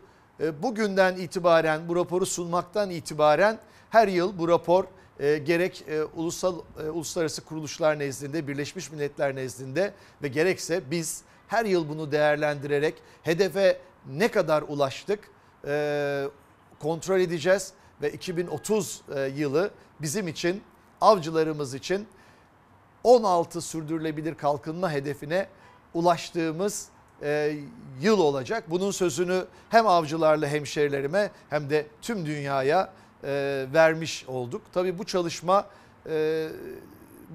e, Türkiye'den belki e, davet edilen tek belediye başkanıyız. E, ama diğer e, iki belediye daha e, bu VLR raporunu, e, yerel değerlendirme, gönüllü yerel değerlendirme raporunu e, hazırladı e, ve gönderdi. İzmir Büyükşehir hazırladı, İstanbul hazırladı.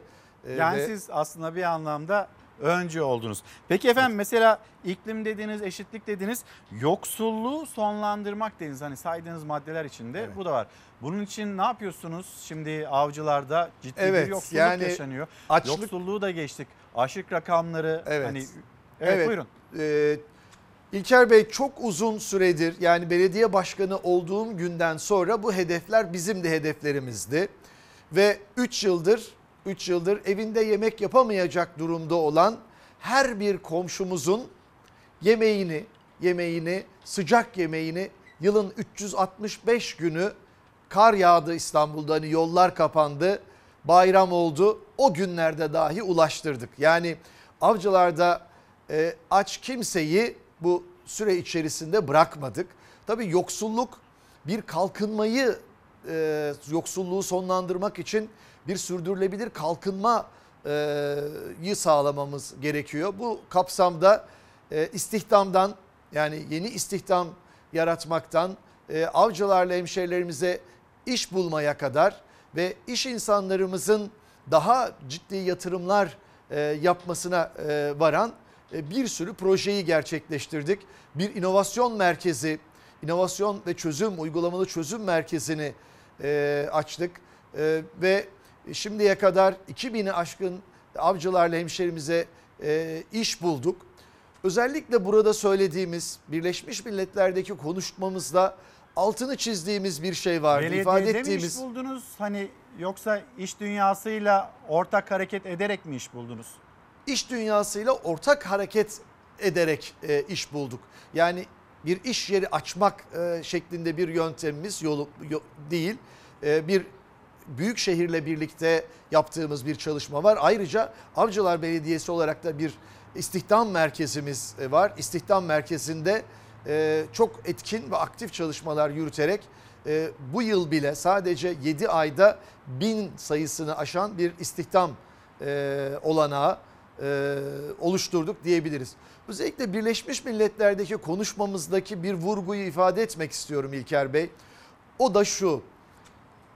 Kalkınma, kalkınma ve gelişme e, sorunlara çözüm yerelde çok daha mümkün. Çok daha rahat. Özellikle Covid sürecinde gerek merkezi hükümet ve gerekse uluslararası kuruluşlar, ulusüstü kuruluşlar Covid'de ne yapacağız? Nasıl bir yol izleyeceğiz? Nasıl yardımcı olabiliriz diye düşünürken, konuşmalar sürerken yerelde belediyeler, sadece Avcılar Belediyesi değil tüm belediyeler vatandaşla yan yana gelmiş ve çözümleri üretmişti. Yani maskeler dağıtılmıştı. Yani dayanışmayla yemek alamayanların yemek sorunu çözülmüştü. Sokağa çıkma yasağı olduğunda evlere ekmekler ulaştırılmıştı. Yörel'in böyle bir gücü var. Yerel yerel yönetimler bunu yaparken merkezi hükümetten ya da uluslararası kuruluşlardan çok büyük destek almadan, destekler almadan bunları yaptılar. Yapabildiler. Çünkü yerel sorunun hemen yanı başında. Yerel çözümün de hemen yanı başında ve çözüm ortaklarıyla yerel yan yana. Dolayısıyla yerelin yerel yönetimlerin yerel yönetimlerin güçlendirilmesi halinde, yerel yönetimlere daha biraz daha fazla güç verilmesi halinde sadece ülkemizde değil tüm dünyada sorunların çözümü daha kolay olacağını ifade ettik ve bu bunun çok önemli olduğunu düşünüyoruz. Çünkü yerel kalkınma ve yerelden kalkınma mümkün. Ee, biz tabii bu çalışmalarımızı yani bu e, vizyonla Birleşmiş Milletler'den fark edilmemize neden olan çalışmalarımızı kısaca ifade etmek gerekirse biz kentsel dönüşümden kentsel dönüşümden kentsel mirasa çevreye uyumlu bir çevre politikasına adil adil bir paylaşıma e, esaslarını, ilkelerini benimseyen bir e, çalışma e, programımız, bir stratejik planımız hayata geçti. Yani tren yol aldı ve biz çok etkin ve hızlı bir şekilde hızlı bir şekilde çözümler üretiyoruz. Örnek vermek gerekirse kentsel dönüşümde Sayın Başkan şimdi siz böyle konuşurken bir yandan da izleyicilerden gelen mesajlara da bakmaya gayret ediyorum. Belediyenizde bir toplu sözleşme böyle bir e, aşamadasınız galiba. İmza aşamasına geldiniz mi? Evet. Bir müjdeniz var mı? Şöyle ifade nasıl edeyim. Nasıl sonuçlanacak o toplu sözleşme? Bunu merak eden Evet. izleyicilerimiz var. Çok teşekkür ederim.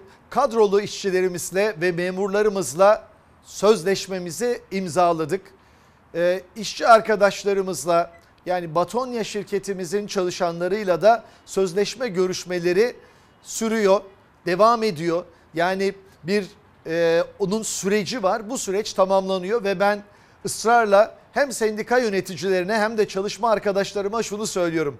Lütfen hızlı ve ivedi bir şekilde uzlaşmayı, anlaşmayı sağlayın e, telkinlerinde bulunuyorum. Bu sözleşmenin de... Uzlaşmaya ne kadar yakınsınız? Asgari ücret Ee, ne kadar efendim avcılarda? Efendim Sayın Genel Başkanımızın talimatıyla Asgari ücret ne kadar? Sa- Sayın Genel Başkanımızın talimatıyla 5300 liralık bir asgari ücret e, uygulaması e, var. Tabii çalışma arkadaşlarımızın çalışma arkadaşlarımızın E, şu anda e, altta kaldı. efendim çalışma arkadaş Şu anda mevcut asgari ücretin altında değil mi efendim? e, değil efendim as- al- altında değil üst, e, üstünde 5000 civarında net rakamları konuşuyoruz tabi e, brüt rakam e, ifa- ele geçen net rakamlar artı ek ödemeler e, var. Tabi sözleşme e, süreci yeni başladı ve bir an önce olmasını ben de çok istiyorum E, ve uzlaşacağımıza arkadaşlarımızla uzlaşma içerisinde olacağımıza kesin inanıyorum. Tabii şunu ifade etmek isterim. E, yerel yönetim olmamız nedeniyle bağımlı bir kurumuz. Yani ülkenin içerisinde bulunduğu ekonomik krizden yerel yönetimlerde çok etkin bir şekilde etkileniyorlar. Gönül ister ki gönül ister ki e, bu rakamlar asgari ücretin iki katı rakamları verebilecek e, durumda olalım. Ama kriz yurttaşı, vatandaşı, çalışma arkadaşlarımızı etkilediği kadar hatta onun da üstünde yerel yönetimleri, belediyeleri de e, etkilemiş durumda, olumsuz etkilemekte. Çünkü yatırımlarımızı ve harcamalarımızın önemli kalemlerinden bir tanesini so- Evet. söylemek gerekirse mazot, mazot yani çöp toplamaktan ulaşıma kadar birçok alanda mazot kullanıyoruz ve Anladım. 3 katını 3 katını geçti. Biz biz çalışma arkadaşlarımızla uzlaşma Evet. ve dayanışmayla bu günleri atlatacağımıza e, kesinlikle inanıyoruz. Kentsel dönüşümle ilgili çok kısa bir şey ifade etmek istiyorum. Peki efendim çok sağ olun efendim E, süremiz kalmadığı için çok özür diliyorum. E, kentsel dönüşüm konusu 17 Ağustos yaklaşırken bir kez daha sizinle ele alacağımız konulardan bir tanesi olsun. Çünkü en sorunlu ilçelerden birisi Avcılar. Bugünün başlığı daha çok Birleşmiş Milletler Evet. ve orada e, ortaya koyduğunuz o perspektif olsun. Ama bir yandan da şunu söylemeden edemeyeceğim. 5300 lira tabii ki düşük bir ücret. Mümkün Kesinlikle. olduğunca sizler de Kesinlikle. arttırabilirseniz oradaki e, Kesinlikle. kendi çalışanlarınızın imkanlarını da arttırabilirseniz e, iyi olacaktır diye düşünüyorum. Avcılar Belediye Başkanı Turan Hançerli misafirimiz de Çalar Saat'te. Şimdi hızlı bir şekilde reklamlar. Bir kez daha günaydın. Çalar Saat'e nokta koyma vakti geldi. Ben Ankara'dan dilim döndüğünce işaret diliyle de Ayça Aybüke Kurt İstanbul stüdyomuzda birlikte yeni günün notlarını aktardık sizlere. Kapatırken dört kitabımız var onları da göstermek istiyorum. Sur'daki Sır, bir tablo hikayesi Seçkin Küskün'ün kitabı Ee, ve bu kitap Ankara'da Rahmi Koç Müzesi'nde sergilenmekte olan Ankara Manzarası isimli tablodan ilham alınarak yazılmış. Sen sor evren cevaplasın. Hazır mısın? Çelik Hamit Anlak, e, Yönder Erdal Şahan, Jenny Diski, Minnetle ve Zeynep Köksal Yaykıran Davet Sofraları. Bu kitaplarımızı da gösterdikten sonra kapatırken her zamanki gibi teşekkürümüz sizlere. Bizi izlediğiniz için teşekkür ederiz. Bir aksilik manikeder olmazsa hafta başında yine bu ekranda sizlere biz Çalar Saat'te günaydın diyeceğiz. Kimselere söz vermeyin. Pazartesi günü saat 8'de bekliyoruz. Hoşçakalın, güzel bir gün ve güzel bir hafta sonu olsun.